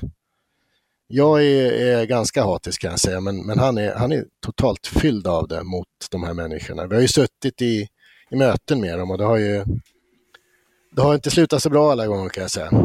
Nej, nej, men de är ju inne och bökar i hans, alltså man har i både din och, han, och än mer hans själ ju. Ja. Jag brukar, för, för, att vanligt folk ska förstå lite, jag menar, bor man i lägenhet kanske man inte riktigt förstår, men om man har en villa med en trädgård, det är ganska många som har, och så har man, sköter man den här trädgården väldigt fint och man eh, har lite olika äppelträd eller plommonträd, sådana ovanliga arter, som inte finns så många. Och kanske lite andra växter i ett hörn och sånt där. Så går det förbi någon och så ser de att, ja men herregud vad mycket fina växter det var här. Det här måste ju samhället ta ansvar för nu så att inte någon förstör det. Och så kapar man en tredjedel av trädgården och, sätter upp ett staket mer eller mindre och säger att här får inte ni vistas nu för det här är för värdefullt. Mm. Då tror jag kanske att en villaägare kan förstå det. Men eh, ja, jag vet inte. Jag tror... Kan i alla fall börja börja, först, börja, eller har i alla fall en grund till att föreställa sig. För som sagt, det är, man har som sagt skapat de här miljöerna till stor del med kärlek och för att de ger en någonting som, alltså, de ger en någonting i själen. Mm. Och sen kommer någon och tar det. Ja. Och inte, inte bara tar det utan för de som sagt de vill skydda det mot dig. Mm. Du som har vårdat och skapat det. Men, menar, de hade inte, hade inte funnits utan dig. Och menar, de här miljöerna hade inte funnits utan, eh, utan din, din mor, din bror och, och, och dig. Nej, det hade de inte. Nej. Det går inte att komma där finns, där, finns, där finns ingen som helst anledning för samhället att alltså menar, i princip skända främst din bror genom att ta dem i syfte att skydda dem mot er. Mm. För menar, alltså, jag förstår att din bror inte mår bra. Ja men alltså eh, det, det, det, är ju skönt att höra någonstans ändå att, att men samtidigt så är, att, att ni förstår det, det, det, förstår jag ju någonstans men att, eh, att få samhället att förstå det, det är en annan sak tror jag. Tyvärr. Men det ska vi väl försöka ändra på. Vi kan i alla fall försöka få någon mer som lyssnar på podden att förstå hur jävla dåligt man mår. Mm. När man blir utsatt för sånt här. Men, men det är inte, det är förment gott för att ja, man vill skydda de här miljöerna, men man skyddar miljöerna mot de som har skapat dem. Och man tar någonting, man tar någonting ifrån ägarens själ. Ja. Ja men alltså att ha ett, ett jord och skogsbruk det är ju det är som ens egen stora trädgård yeah. i, i, stort. Ja, inte bara trädgård, det är ens hem. Ja, precis. Men man sköter det och man eh, skördar frukten av det och man vårdar det mm. på det sätt som man själv tycker är bäst. Mm. Vilket också ger en stor, väldigt stor fin mångfald i Sverige, att vi har så många olika brukare, olika naturtyper som brukar på olika sätt. Visst är det så. Det, det finns på något sätt en, en intressant twist i, i hela det här upplägget. Eh, alltså, vi, om vi går bak i tiden så hade vi ju ett, eh, ett samhälle, eh, feodaladeligt samhälle, alltså någon gång där före, före franska revolutionen. Eh, möjligen är vi på väg dit igen då i Sverige, men där man hade en, en härskande klass som man var tvungen att eh, vika sig under.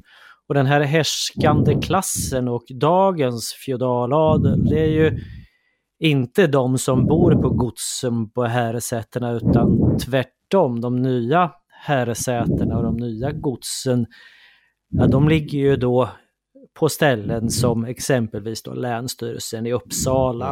Eh, det är de som sitter på den dagens feodala makt. Det är de på, på som den, är de, alltså, statens fogdar ju. Jo men precis, och de, de, de sitter idag på de feodala rättigheterna, precis som det fanns feodala rättigheter under feodaladeln så har man liksom, de har monopol på vad som är rätt och riktigt alldeles oavsett vad som egentligen är rätt och riktigt så är det, det är deras bok som gäller på något sätt. Eh, och, och, och, i någon mån också så landar vi liksom i någon slags ekonomisk revolution i det här. Där man återtar på något sätt makten över medlet. Mm eh, från bönderna. Eh, alltså den här, någon slags utsugande parasitär överhet då. Eh, och, och, där man då i feodaladelssamhället man sög ut bönderna så är det precis tvärtom idag. Att det är bönderna som blir utsugna, det är de som ger upp, det är de som tvingas fram till någon slags gräns där man inte vet om man kommer göra så pass mycket motstånd att det, det på något sätt kommer klassas som samhällsfarligt. Nej. Eh, och, och, och jag tror att det är i en miljö där det finns en historik, där vi på något sätt kan följa vad som har hänt i samhället från 1100-talet fram idag.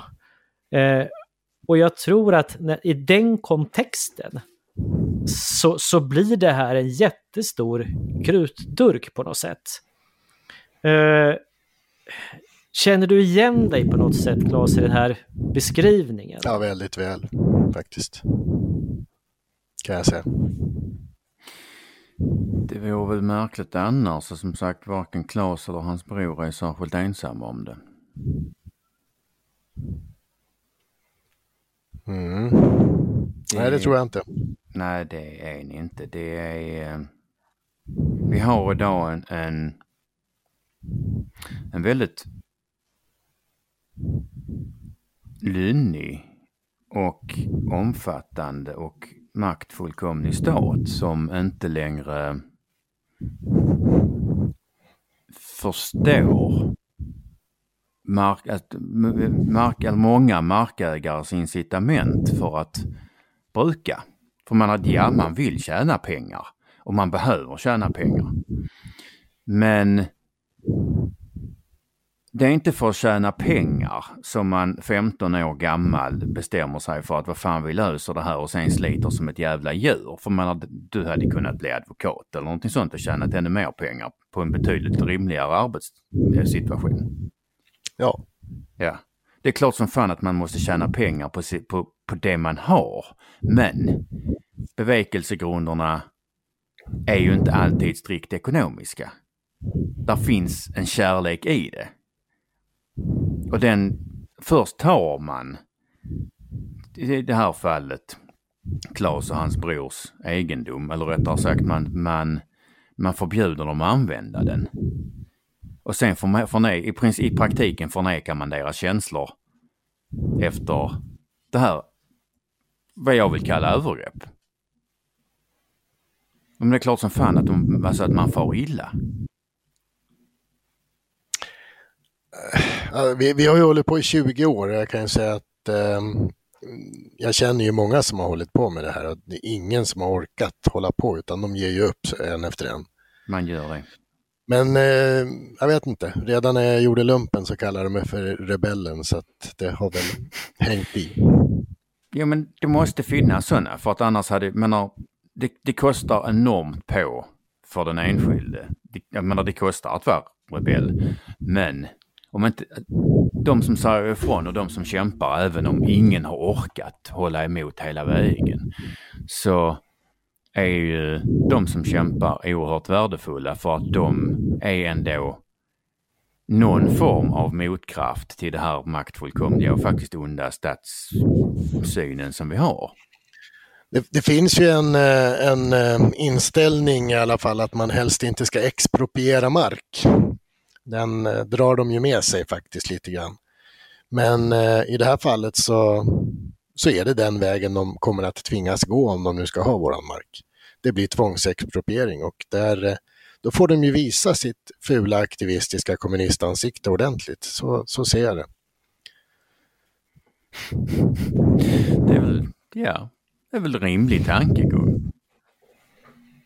Det är inte att vi inte får så, alltså vi, vi får hyggligt betalt. Jag har ju sett vad, vad ersättningen landar på. Men, men hade jag velat eh, ha en massa pengar, eh, då hade jag ju sålt gården.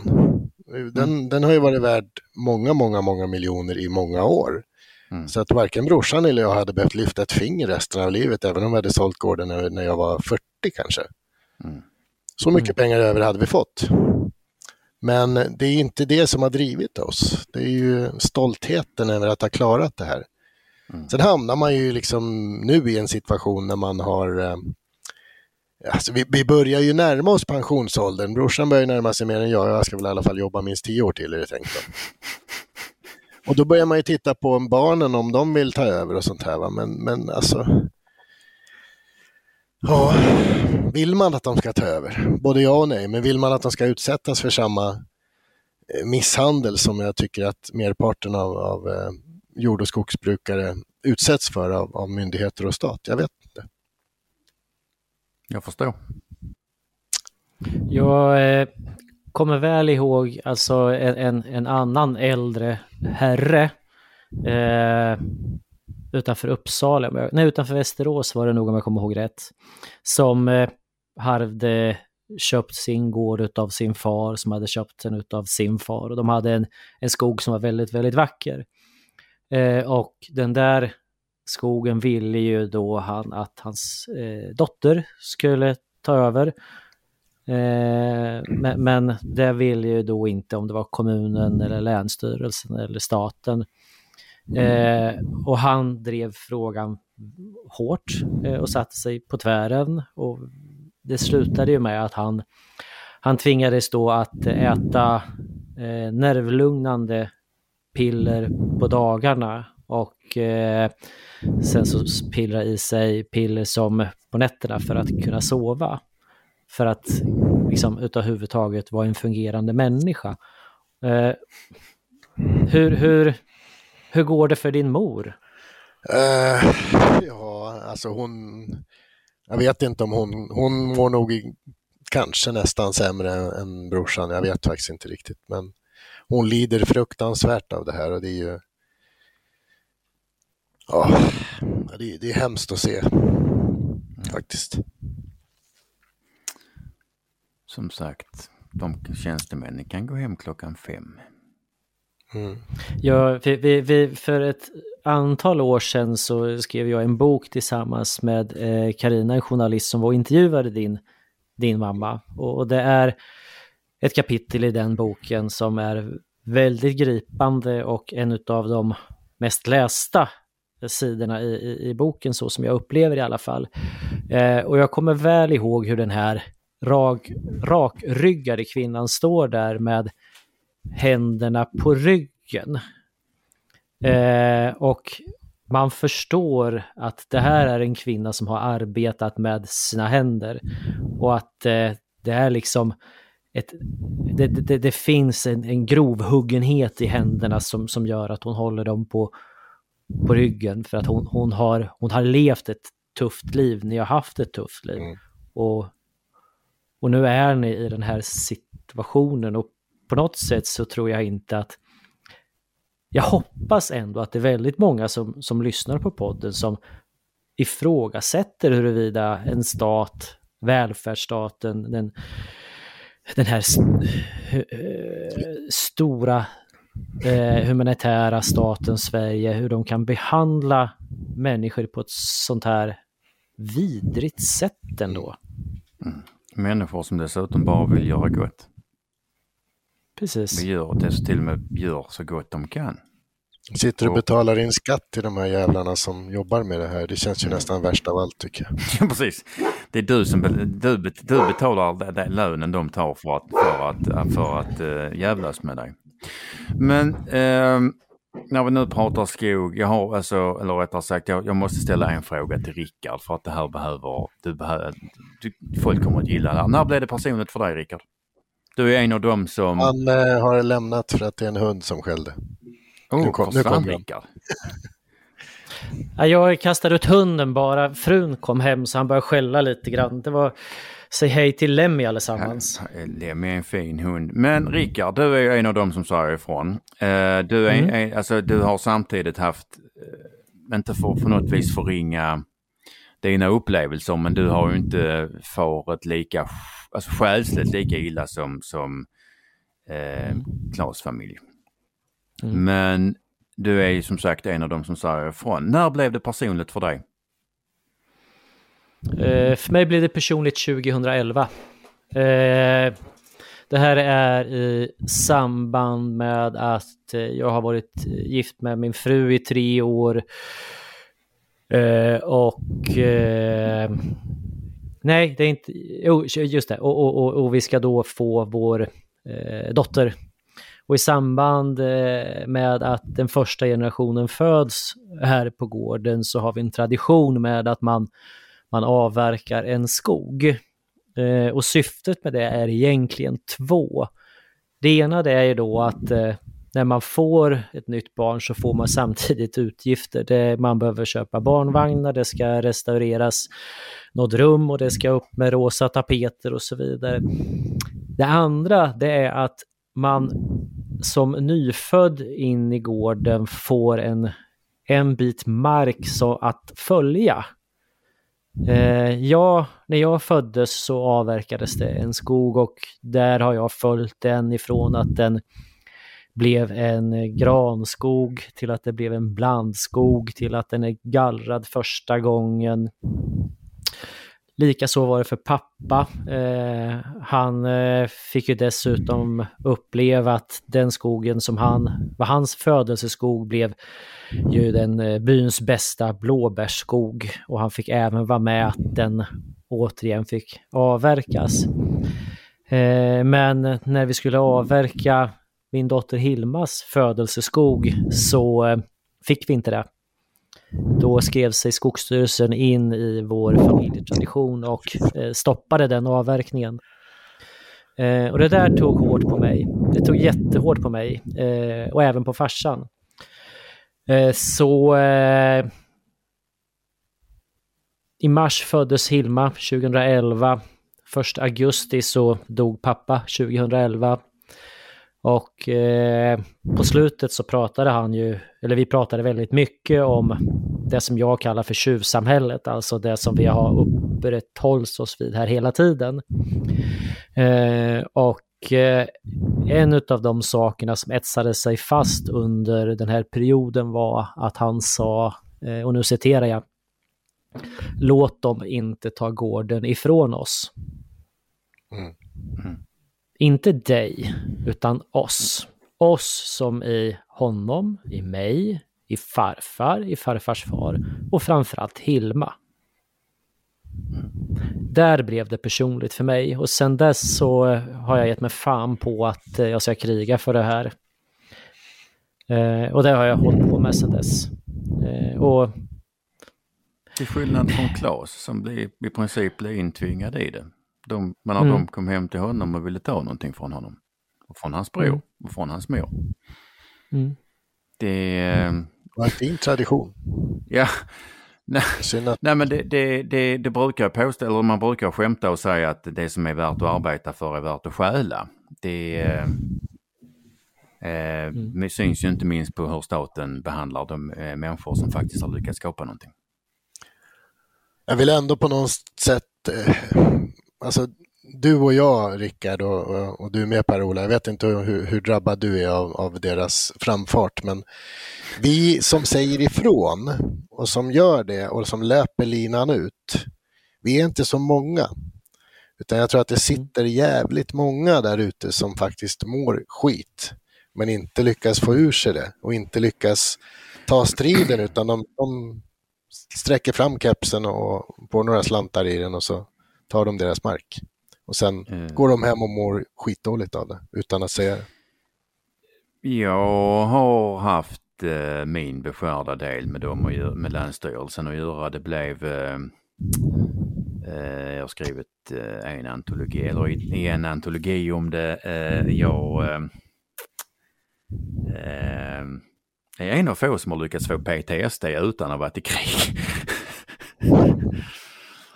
um, på den nivån var det, beklagligt nog. Så att nej, jag har um, jag sa ifrån. Mm. Uh, och det fick jag ju i nacken ordentligt. Um, jag har farit illa både personligt och, och eh, ekonomiskt, det har man ju. Men man måste säga ifrån. Och, och det är som du säger, det finns enormt många människor som inte, alltså som, menar, som bara, de orkar inte eller de vågar inte säga, eller säga ifrån och de vågar inte säga emot utan man bara finner sig i statens övergrepp och sen är det bra med det. Och sen har staten inte bara vunnit eh, utan de har dessutom lyckats kränka någon. Ja. Ehm, så det är klart som fan att man måste säga ifrån men det fristar, alltså det tar ju enormt mycket, det gör det. Jag tror ju inte att det handlar om bara att de inte liksom vill utan de, de känner inte att de, de kan inte för de, det är ju ett, alltså det, är det här fikonspråket som de använder som inte, alltså många av de här som har drabbats kan, är ju vanliga skogs och lantbrukare som kanske knappt har gått ut skolan ens. Eh, och de, de, har inte den här förmågan att uttrycka sig, de har inte förmågan att svara på brev.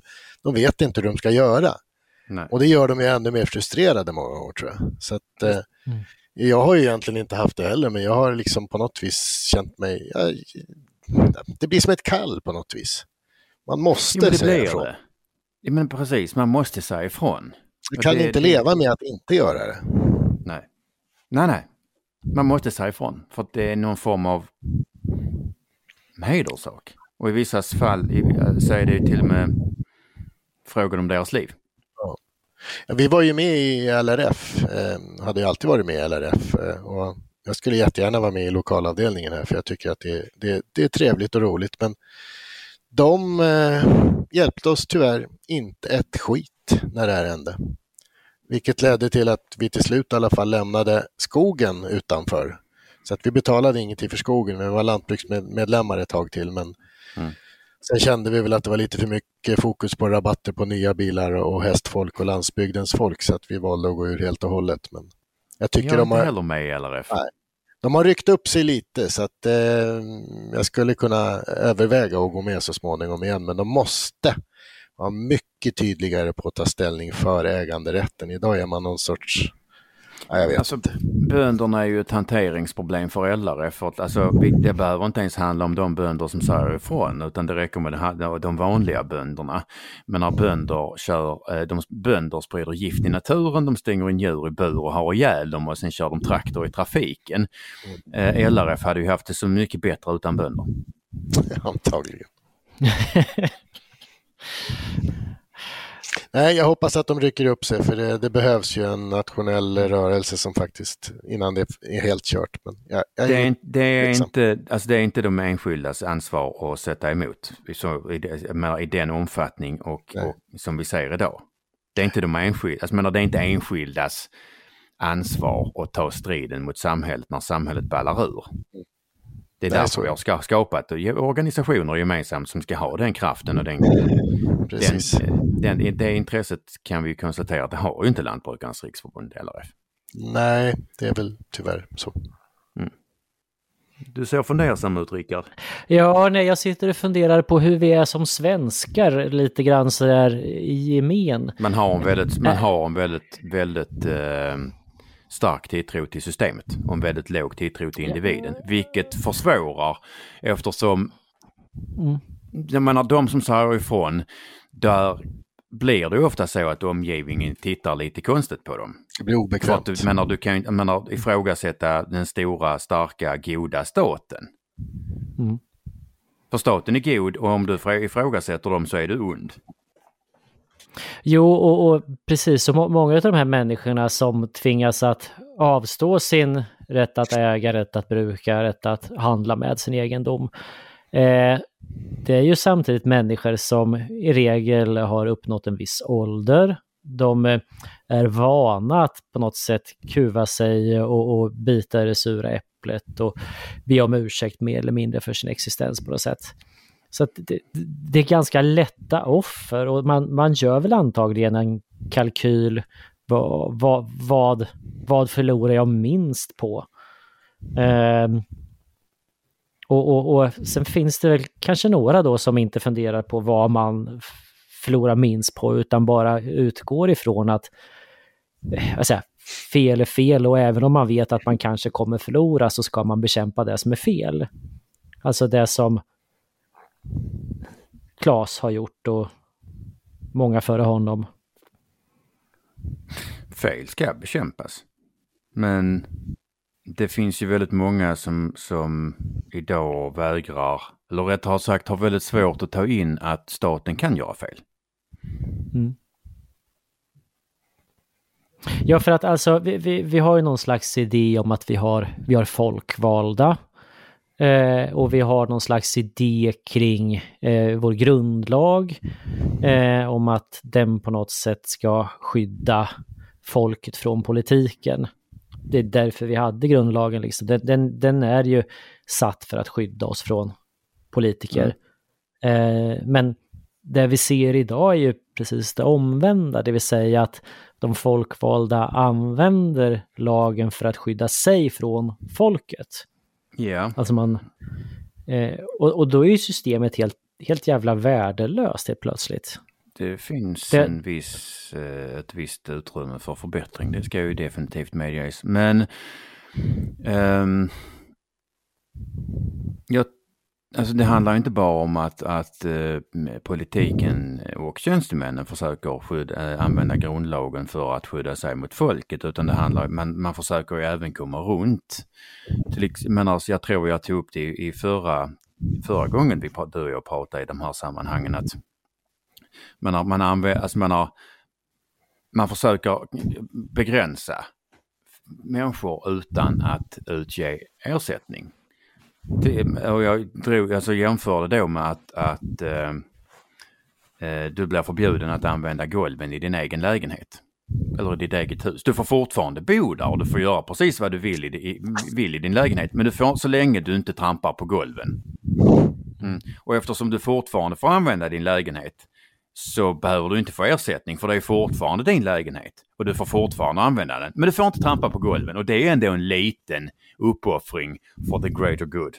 Det var faktiskt en, en lite bättre jämförelse än jag tog med Villa Trädgården för merparten bor ju i lägenhet idag. Och de, merparten trampar även på golven? Ja. Mm.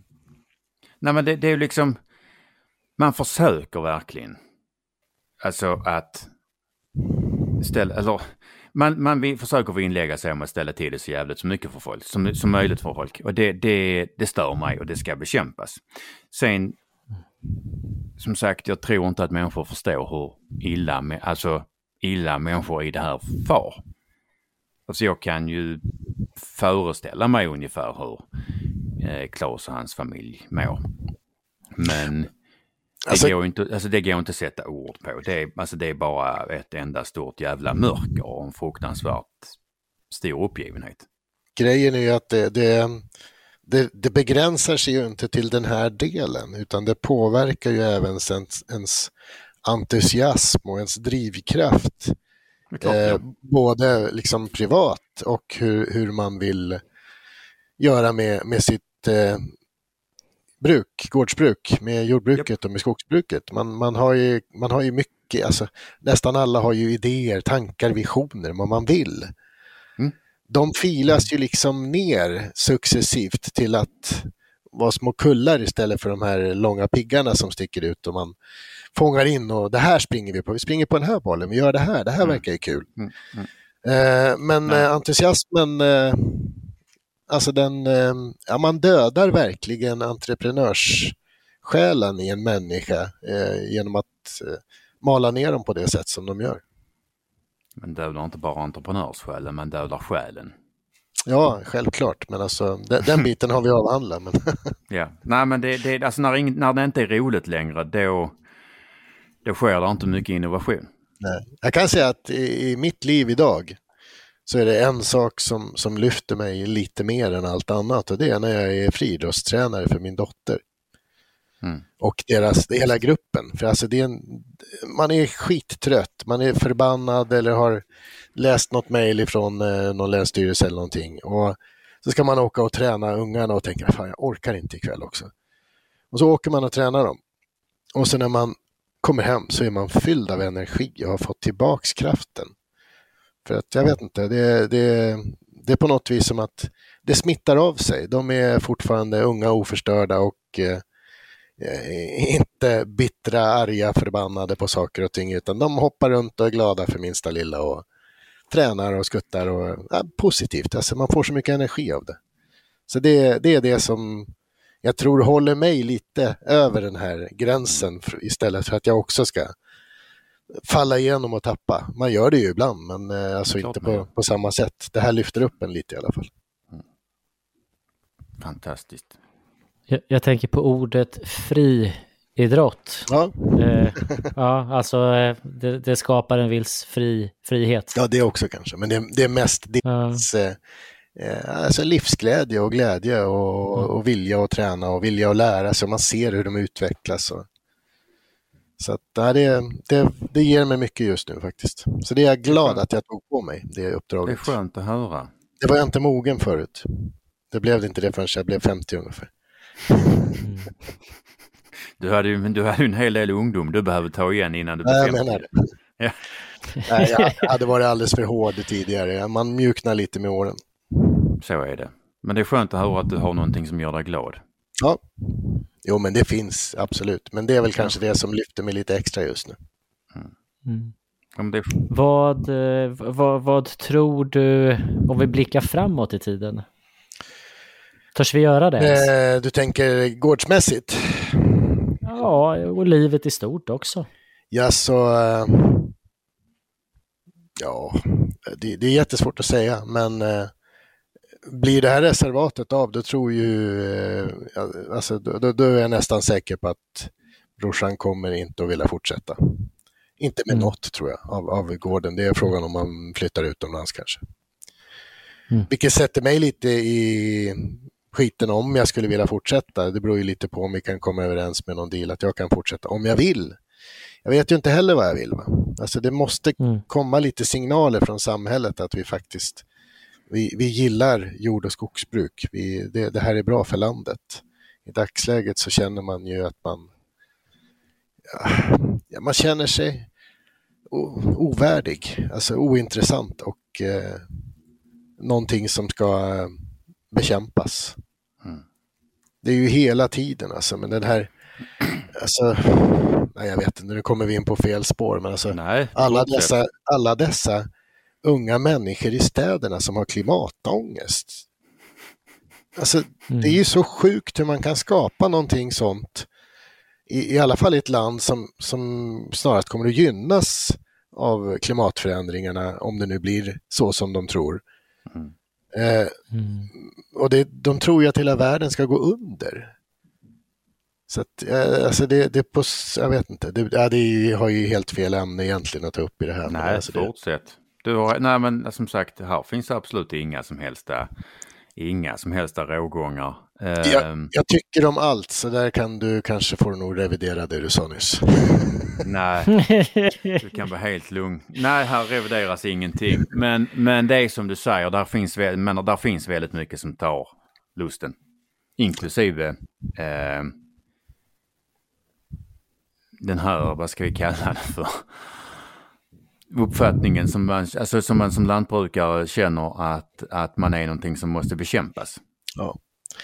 Jag har faktiskt en, eh, du frågar vad som händer och eh, för mig så har jag en, en grej som faktiskt sitter djupt inne i mig som en, eh, en som hyrde av oss här en gång i tiden sa för, till mig för 20 år sedan. Han, han, han så tittade han på mig och så sa han så här, så rätt, såg förbannad ut och sa, jag är så jävla avundsjuk på dig Klasse, sa han. Och då blev man ju lite halvskraj nästan, för han, han, han ganska mycket pondus hade han liksom. Så tittade han på mig och så sa han det och så såg jag väl lite frågan ut. Så, ja, för, för han, han eh, hade själv haft ett lite tuffare liv tror jag och mådde inte alltid så bra psykiskt och sådär. Då säger han så här att jag är så jävla avundsjuk på dig Klasse. För vad som än händer så står du där, då skakar du av det där, så står du där och så har du klarat det. Det tar jag med mig lite grann på något vis. Att jag kommer att klara det här också, men eh, jag vet inte riktigt hur. Men jag blir faktiskt lite rörd när jag hör, när jag tänker på hur han sa det. Det är väl fullt tillåtet att bli. Nej, det är... Um... Och det var väl andemeningen att jag var, jag var en sån som kämpade igenom allting. Och det, det tar jag med ja, mig ja. faktiskt. Jo, men ibland har man ju inget alternativ. Nej, jag hade väl inte riktigt det, men, men även när jag har haft det så jag väljer ju att ta striderna. Jag hade ju, det är klart, det här blir man ju intvingad i, men jag menar, jag, jag har gått in i politiken. Det, det gjorde jag redan på mitten på 90-talet lite grann och sen mm. helt plötsligt så dammade det till bara och så satt jag i kommunfullmäktige i Uppsala för Moderaterna. Eh, och det gör jag ju för att jag tycker saker. Och mm. eh, jag satt väl där i tio år. Eh, Eh, men när Reinfeldt skulle gå in i sin andra period var jag jävligt tveksam att ställa upp för jag tyckte inte att, att det gick åt det håll jag ville. Mm. Och det gjorde det ju verkligen inte heller. Och han var ju en extrem eh, stadsnobb om jag får jag, säga hur, vad jag tycker. Det var utförsäljning av sånt som borde vara statlig verksamhet och eh, sen var det ändå inte liksom någon ordning på det här som gynnade det, det småskaliga privata utan de ville ha stora privata bolag tror jag, eller stora bolag. Det är lite, lite samma som, som eh, kommunisterna, de vill att staten ska äga allt men det kändes som han ville ha bara stora företag för de kunde han ha kontroll på. Mm. Så de dumpar jag. Jag förstår. 2011. Mm. Men jag tycker ju om betydligt mer än lantbruk. Jag ska säga att den absolut eh, avgörande grejen för att jag blev aktiv, det var ju faktiskt lite grann det här med nyckelbiotoperna. Eller att jag blev ordentligt aktiv. Innan det var jag bara lite aktiv i en lokal förening här då.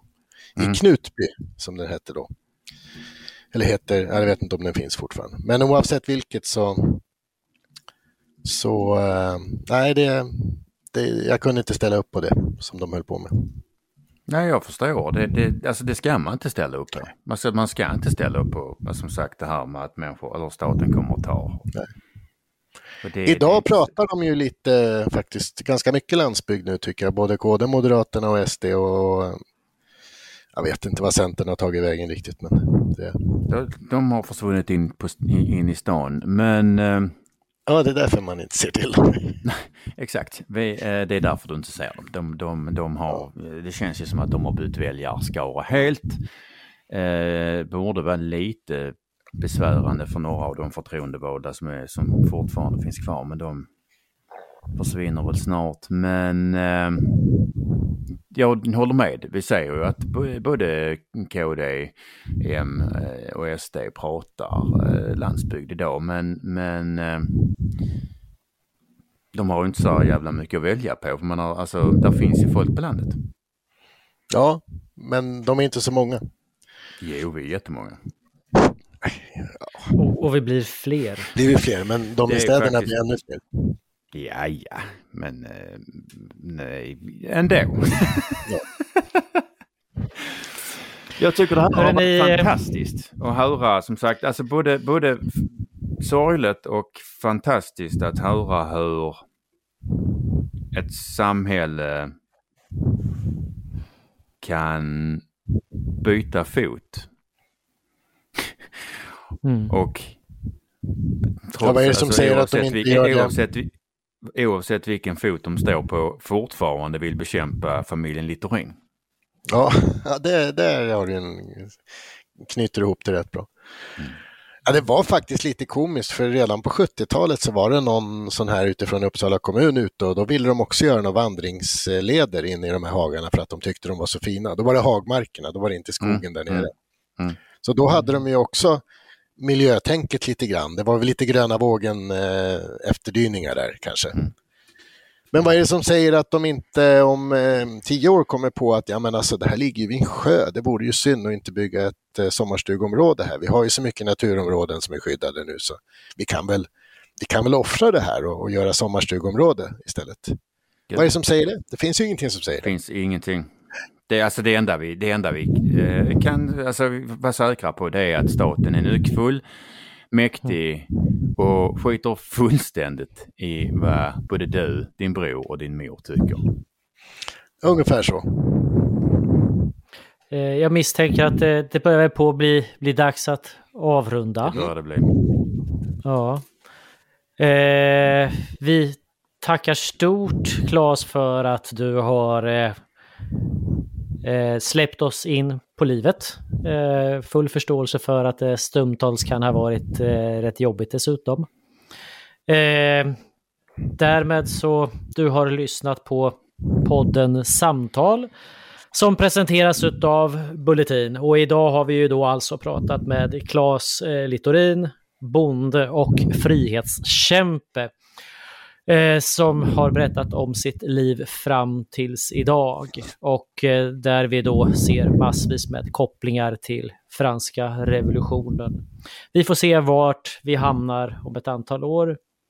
Och med det så tackar jag Rickard Axdorff och Per-Ola Olsson för oss. Tack! Tack! Tack för mig också.